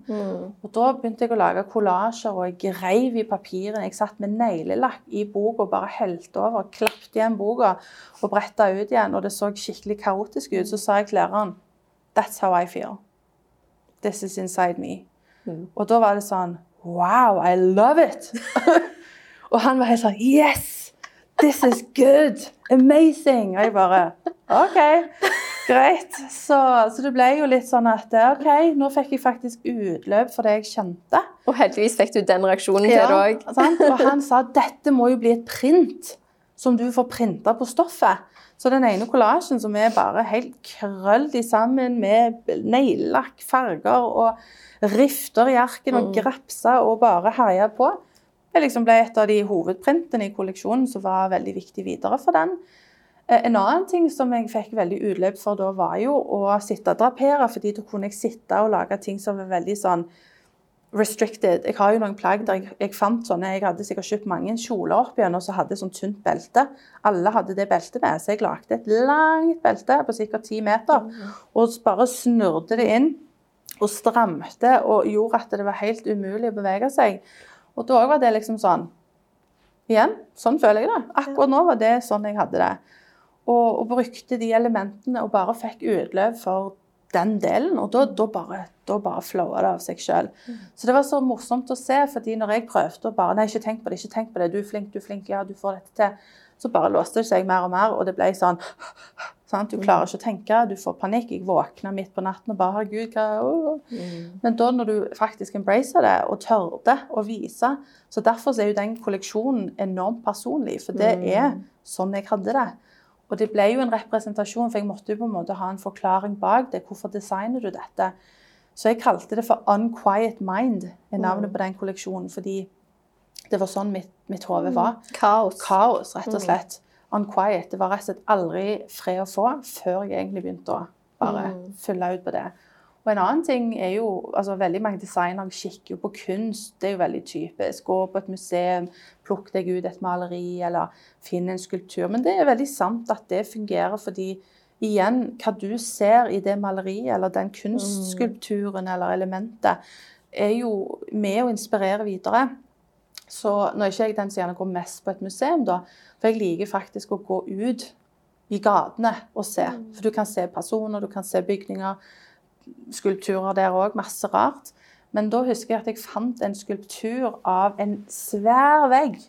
Og det lå knuste tallerkener på gulvet, inn i veggen, sånn på kryss og tvers. Noen var knuste, noen var hele, men det var sånn igjen kaotisk. Og den òg bare liksom plukket jeg meg Ja, den spoke to me.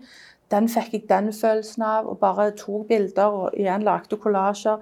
Eh, tok og lagde svære sånn tallerk-shapes, som da ble liksom et skjørt. ikke sant? Sånn at du ser gjerne, Hvis du har sikt på den kolleksjonen, så kan du da forstå hvor elementene kommer fra. Ja. At det er rett og slett en vegg med tallerkener. sant? Mm. Altså, Hvem ville trodd det? At det skulle bli et skjørt. Så, så det er jo litt sånn når jeg designer, at det der er en god tanke bak det. Mm. Og at jeg vil at du skal gjerne lure litt på hva er det dette prøver å formidle. Mm. Og jeg lagde jo dermed da, altså Den kolleksjonen besto av seks antrekk. Men gjerne kjole, noen bodysuits og topp og skjørt og sånn. Jakker og den slags. Men det var en blanding da av noe kommersielt, sånn litt de mer rolige plaggene som du faktisk kan gå med. Som ikke ville vært sånn kaotisk, for det er jo litt vanskelig å gå på tuben med et skjørt som er så stort. Ja. Så, men det var jo det at det, det var viktig for meg å demonstrere ferdigheter innen design. Ferdigheter innen mønsterkonstruksjon, drapering, sying og det kreative. Men òg at det kan være kommersielt. Så det er jo mange ting å tenke på når du designer. Det er ikke bare sånn 'jeg liker det, da er det det jeg vil lage'. Nei. Hvis ingen liker det du lager, da, what's the point? Men det er jo ikke alltid det at det, altså, bry deg om hva andre tenker. For det blir jo litt sånn at jeg vil gjerne kunne lage ting som folk vil gå med òg. Som designer, hvis jeg skal gjøre det om til en næring. ikke sant? Men, men jeg elsker å designe på en sånn måte at det, det jeg begynte med, er helt annerledes enn det som jeg ender opp med. Og et annet tema på skolen, for det, det gjorde de gjerne for oss, at de ga oss et navn eller en beskrivelse, eller rett og slett bare et ord. F.eks. gull. Altså gold. Og, og det betyr jo ikke at du skal lage en kolleksjon der alt er gull. Men hva kan du gjøre med det? Jo, du kan begynne å researche gull. Hva er egentlig gull? Hvorfor har vi gull? Hvorfor er det så viktig? Hvorfor er det så dyrt å få gull? Sant? Så da kommer du inn i en slags sånn ball, da. Eller sånn altså, det, det, du, du, altså, du bare begynner å rote deg ned i ting som kan være veldig interessante. Og for meg så endte jeg opp med, når temaet var gull, så hette min kolleksjon 'Thou shall not' ut ifra de ti bud. Kan, du, kan du ta den linken? Ja, Nei. sant. Fordi at eh, jeg begynte å researche eh, rikdom innenfor den katolske kirke. Så da lagde jeg plagg ut ifra sånn disse svære kappene de går med, og plaggene med høye krager. sant? At det utpå så er det veldig tett og veldig sånn Jeg er der. prest. Mens inni så var det lina med dyre, flotte stoffer med sølv- og gullelementer i f.eks. sånn piping og sånne ting inni lommen. Eh, og eh, at kjolene var blonde, kun blonde. Når du har det på, så er du basically nude. Du ser alt. Og det var tanken, fordi at når du har den på, da skulle liksom være det der med at eh, du skal ikke, sant? Du skal leve sånn. Rikdom, gi det til oss. Du skal jo ikke være den rike. Um, og den holdt på å si, klisjeen med at den katolske kirke, hvordan de har pekt fing opp gjennom hundrevis av år, og så har det vært veldig mye holdt på å si, negativt innenfor det, med, med alt mulig rart, uten å få gå langt inn på det. Så da var det liksom Kan du tenke deg at du starter med et ord som gull, Ja. og så handler kolleksjonen om det? Det er liksom ikke bare en blondekjole, det er, det er mer dypere mening bak det. Det Så, så for meg er det sånn jeg elsker å designe, fordi det gir meg mer inspirasjon til videre design. Ja, for det blir en så hva skal jeg si, dybden. Det er liksom dybden i det. Og, og det er jo det òg som gjerne kjennes. Ja. Altså, sant? Så det som har vært gøy etterpå, er jo at jeg har fått veldig mye oppmerksomhet for det. fordi en av de tingene som ble sagt om meg etter jeg var ferdig og viste fall den final collection on Quiet Mind Wow, Finally a student who dares to do something different. At jeg ble sammenligna med andre store designere, og, spesielt mye sånn eh, japansk. Mm. Fordi de, eh, de er mye mer sånn uh, utagerende Ja. i designene sine enn sant? Og mye London, UK, at det er mye mer Mm. sånn rebellious. Sant? Eh, med alt som har vært liksom against the man. Sant? At det skal liksom være litt mer der. Og, og da igjen, sant? Jeg kan jo se til design som gjerne går opp imot eh, italienske designer, Dolce Gabbana og disse her. Mm. Liker veldig godt det de lager, men der er det jo sant, igjen prestisje, skal se flott ut, og gull og sånne ting. Så det å finne litt inspirasjon. Inspirasjon fra alt er veldig viktig, men ikke bare låse deg til at 'Å, jeg likte det du hadde på deg, så nå skal jeg lage noe eget som er helt likt'. Ah.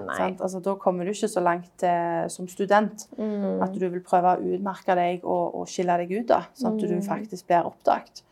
Og, og, og det som jeg òg jobbet iherdig med i det siste året på skolen, var å komme, komme i kontakt med fotografer, modeller, eh, alt mulig fra hele verden, egentlig. Instagram var veldig viktig i den delen.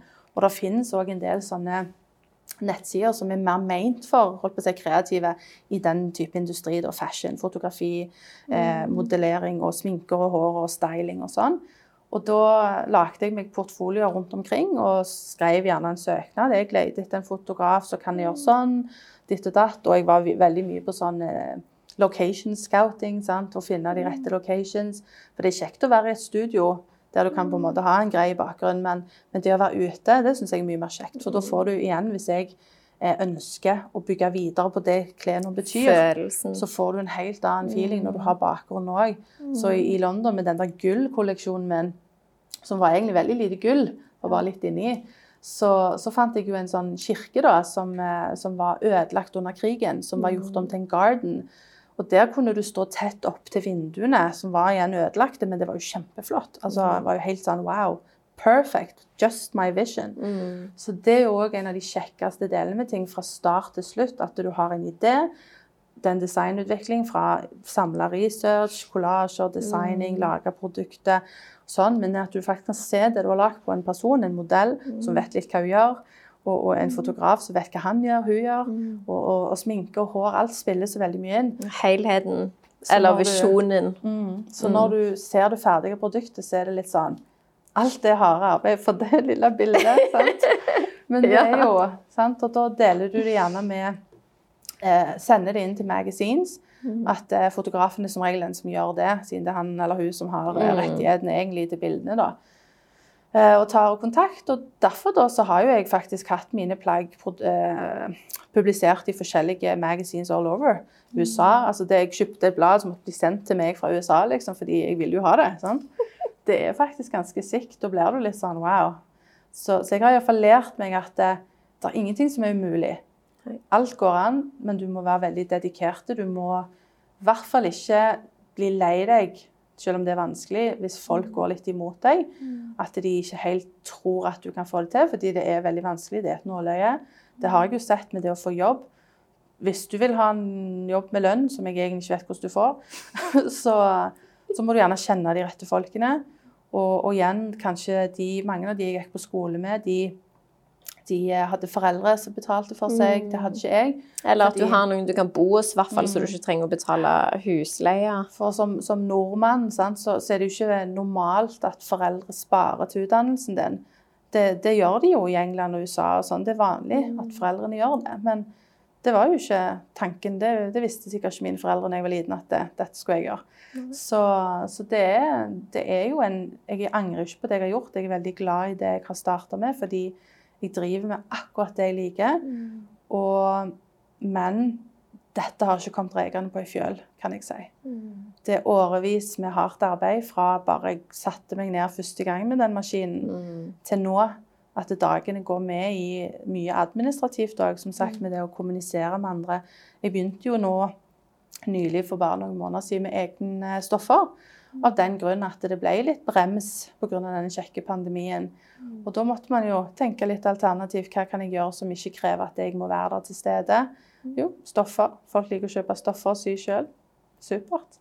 Så nei, så det er jo ganske mye å tenke på. Og designprosessen i seg sjøl kan være så mangt. Jeg merker jo det at alle har jo sin egen variant av hvordan de designer, hva de inspireres av. Men for meg så er det veldig emosjonelt og psykisk på en måte at hva jeg kjenner inni meg som en slags glød. At det, hvis du sier noe til meg sånn Nei, den, den, den kjente jeg ikke på. Så da next. Men liksom ja, hva betyr det? Hva kan jeg gjøre med det? Så, så det, det er jo egentlig at drømmen er å ha en jobb, enten om det er for noen andre eller for meg sjøl, der jeg kan lage sånne ting som kommer på catwalken. Og eh, når jeg var ferdig på skolen og hadde denne litt crazy Unquiet Mind-kolleksjonen, så, så heiv jeg meg rundt og var med på eventer og betalte for å være med, fordi at det, det er òg litt sånn det er. Og da møtte jeg jo folk som da sa wow, stilig, herregud, deg må jeg jo vite mer om. Vil jobbe med deg. Eh, Fotografer fra USA jobbet med ei som har også jobbet med holdt på å si, didene fra Kim Kardashian og sånn. Og da er det jo litt kult sånn, ja, meg og de har samme fotografen, ha-ha. så, så det er liksom det at du må tørre å by på deg sjøl, og du må tørre å satse. Og, og, og jeg ringte rundt. Må ikke være redd for å ringe. Sant? Noe av det som jeg av og til kan få litt angst av, er tanke på å snakke med fremmede på telefonen. Men da er det litt sånn igjen Ja vel, hva betyr det egentlig? Sant? Bare gjør Just do it. Just do it. Ikke, tenk, og ikke overtenk det. Det er òg en lærdom. Ja. Ikke tenk for mye, for da begynner du å rote deg inn i at ja, men da tenk hvis de sier nei. Tenk hvis de sier nei, men tenk hvis de sier ja. Sant? Ja. Og, og det er jo ingen igjen. Kom alltid tilbake som en sånn til meg sjøl. Ingen har kommet noen plass i livet uten å satse. Mm. Ingen har oppnådd suksess med å bare sitte hjemme og gjemme seg vekk. Mm. Det tenker jeg. Alle må bare brette opp armene og bare gå, gå for det. Mm. Og da hvis du ikke tør det, hvis du tenker at det blir too much, så er ikke dette for deg. Nei. Rett og slett. da. Så, Og så er det jo litt det òg at Som òg kan være litt skummelt hvis du er ganske unge, da. Sånn så du, sånn, du fikk jo på en måte nok etter fem måneder, som du sa, den internshipen. mm, Eh, jeg òg har hatt jobber tidligere der jeg basically har følt meg kvelt. ja. Og jeg har følt at jeg ikke har hatt noe valg. At liksom, jeg kan jo ikke si opp, for jeg må jo ha penger, eller ditt eller datt. Men du har alltid et valg. Mm, Og liksom, sant, du sto opp for deg sjøl, mm. og det gjorde deg godt. Altså, Uansett hva som skjedde etterpå, så er det ikke verdens undergang. Du finner ut av det. Og det å ha Du må jo også gjerne Det er veldig vondt hvis du ikke har noen støttespiller rundt deg, da. Så det er jo viktig at du kan gå til venner og familie og klage litt når ting er litt vanskelig, og si at nå er det faktisk tøft. Men det betyr ikke at du skal gi opp, fordi hvorfor alt det du har gjort fram til nå, da. Og det er jeg igjen, jeg syns det er greit å like å følge ting på Instagram som gjerne er litt sånn girl boss empire. sant? Altså, Mm. Du får eh, sånne memes som forteller at det, ja, ikke la deg brytes ned. Av og til så kommer det perfekte quoten fra noen som bare Yes, takk. En liten reminder på at eh, I'm on the right path. liksom. At du, du vet at du er på, på rette spor, og du, du gjør det du vil. Du ikke føler at det, Ja, altså jeg gjør ikke dette for noen andre enn meg sjøl. Og, og den dagen jeg våkner opp og tenker nå er jeg lei, nå gidder jeg ikke mer, så finnes det vel andre ting å gjøre. Så, men det er, det er det å være litt gutsy og, og, og av og til rett og slett bare òg inneforstå deg med at ikke alle alltid kommer til å forstå deg. Mm. At du kommer til å gjøre ting som andre kanskje syns er litt rart. Og, og spesielt i denne pandemien med at det OK, ikke ha den der faste, vanlige jobben der du får den standardinntekten, som sikkert hadde vært veldig behagelig og trygt å ha Mm. Så dette er jo et uforutsigbart liv. Men igjen, jeg passer ikke til å sitte på et kontor og trykke på en data hele, hele veien, selv om jeg gjør det mye nå òg, da. Men, men det at eh, jeg har så mange elementer i livet, det å jobbe med andre som brenner for det på samme måten. Disse fotografene, sminkørene, modellene. Jeg har jobbet med modeller som har vært med på forskjellige store ting. Som eh, altså Asias Next Top Model, Britain's Next Top Model. Og, og vært på noen magazines her og der. Og, og det gjør liksom litt at du ser jo at du kommer deg en vei hvis du bare tør. Jeg tror det er og da, fordi her i Norge og gjerne Skandinavia generelt, så har vi jo en liten sånn jantelov som ofte prøver å holde deg litt tilbake. Og det merker jeg jo med hvordan jeg ser ut og hvordan jeg er, at det, mange stiller spørsmål til hvorfor vil du at folk skal se deg sånn. Det er ikke det det handler om. Trenger du oppmerksomhet? Mm. Det er ikke det det handler om. Det handler om at jeg blir glad av sterke farger. Føler meg vel i å ha rosa hår, hatt det i tre år nå. Og, og det å på en måte lage mine egne ting som Om ikke alle liker det, nei vel, men jeg legger meg jo ikke opp i hva du har på deg. Nei, og så er det det at du gjør det for deg. Mm. Du kler deg for deg. Du sminker deg for deg. Mest sannsynlig så Mm. Ja. gjør du det. Ikke for noen andre. Så, og det òg nå altså han, han som jeg er sammen med, har vært sammen med i to-tre år nå, han er enormt støttende fordi han, han så meg med en gang. For han så meg litt på det nivået når jeg sleit og syntes det var tungt. At jeg ikke fikk en jobb med lønn. At jeg, jeg gikk ifra å på en måte være litt sånn høy på at å, er jeg ferdig på skolen, nå skal jeg få en god jobb, nå skal jeg liksom få masse erfaring. Og så møtte jeg han egentlig i den perioden det var tøffest. Og han òg minner meg på hvor langt jeg har kommet fra jeg traff han, til hvor mye det har skjedd på de årene. Og, og det å faktisk eh, igjen altså ha noen som er der uansett. Og de dagene jeg tenker nei, nå vil jeg bare gi opp i dag, nå kjennes alt bare helt umulig ut.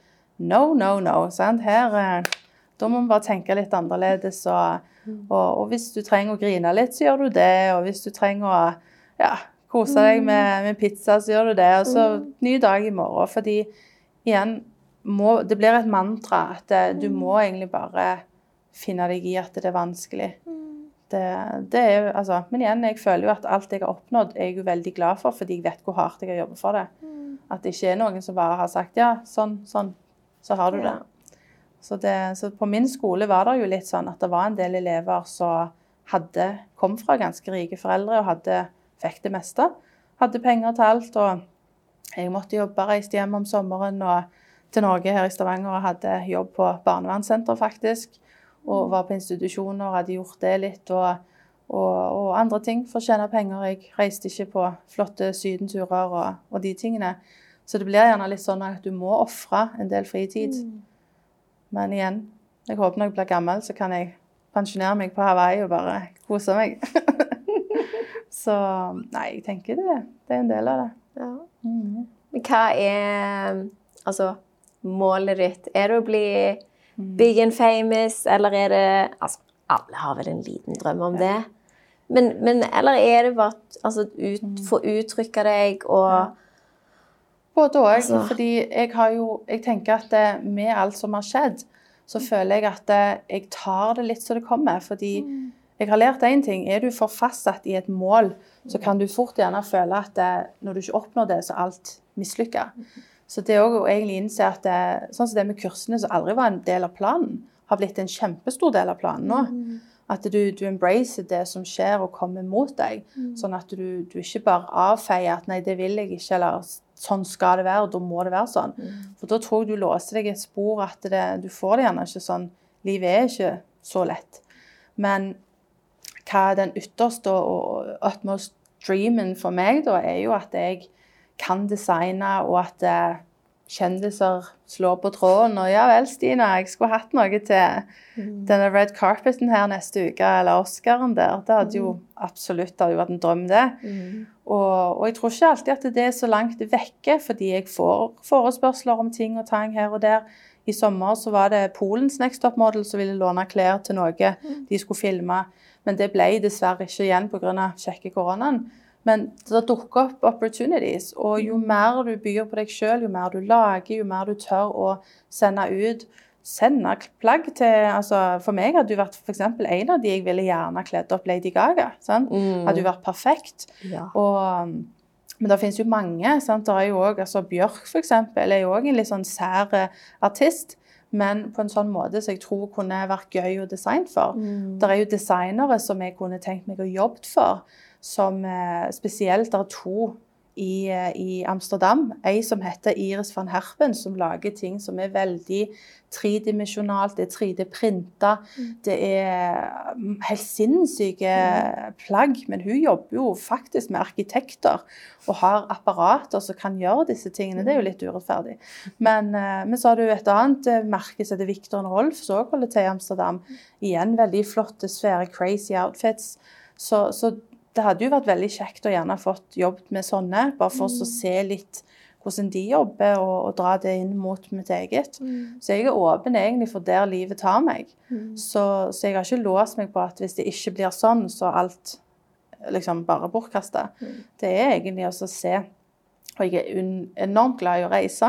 Så det er veldig viktig for meg for å få inspirasjon at jeg kan reise rundt og treffe folk, se byer og se elementer som jeg aldri ellers hadde kommet over. Og så, så derfor òg korona er jo kjipt av den grunn, at man er litt sånn låst, da. Men igjen, kan gå tur rundt omkring her i Stavanger òg og finne flotte plasser.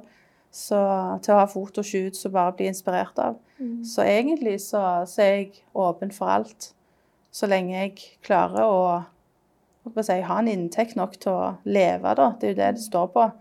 Så jeg tror jeg er såpass kreativ til at jeg finner løsninger når ting er vanskelig. For Hvis ikke så hadde jeg ikke klart meg gjennom f.eks. denne pandemien. Da hadde jeg gjerne måttet flytte hjem og funnet andre jobber. Må begynne med online-sykurs. Mm. Det er litt i planen, men det, Det er koronaversjonen. det er det. Så, nei, så det, er, det er mange ting. Men, men jeg er veldig glad i det jeg driver med, og jeg er veldig glad at jeg tørde å gutse på det. fordi hadde jeg gjort som andre gjerne ville, så hadde ikke dette blitt. Da hadde jeg gjerne blitt værende i Bergen og fortsatt på psykologien eller begynt på noe helt annet. Sånn, Det, det, hadde ikke jeg fått den symaskinen, så lurer jeg egentlig på hvor hadde jeg vært i dag. Mm. Den var en såpass stor sånn milepæl i mitt liv i forhold til hva jeg peilte meg inn på etterpå. Det var meant to be. Og ikke hadde du lyst på den engang. Nei. Så det er òg et råd jeg gir til folk, at ikke vær så negativ til det du tror er drit. Fordi at eh, plutselig så viser det seg at det er kjempekjekt. Alt skjer for en Så, grunn. Mm, Av og til, i hvert fall. ja. ja, absolutt. Nei, men da tror jeg vi er ferdig. Ja. Så må jeg si det var veldig kjekt å ha deg her. Takk for at jeg fikk komme.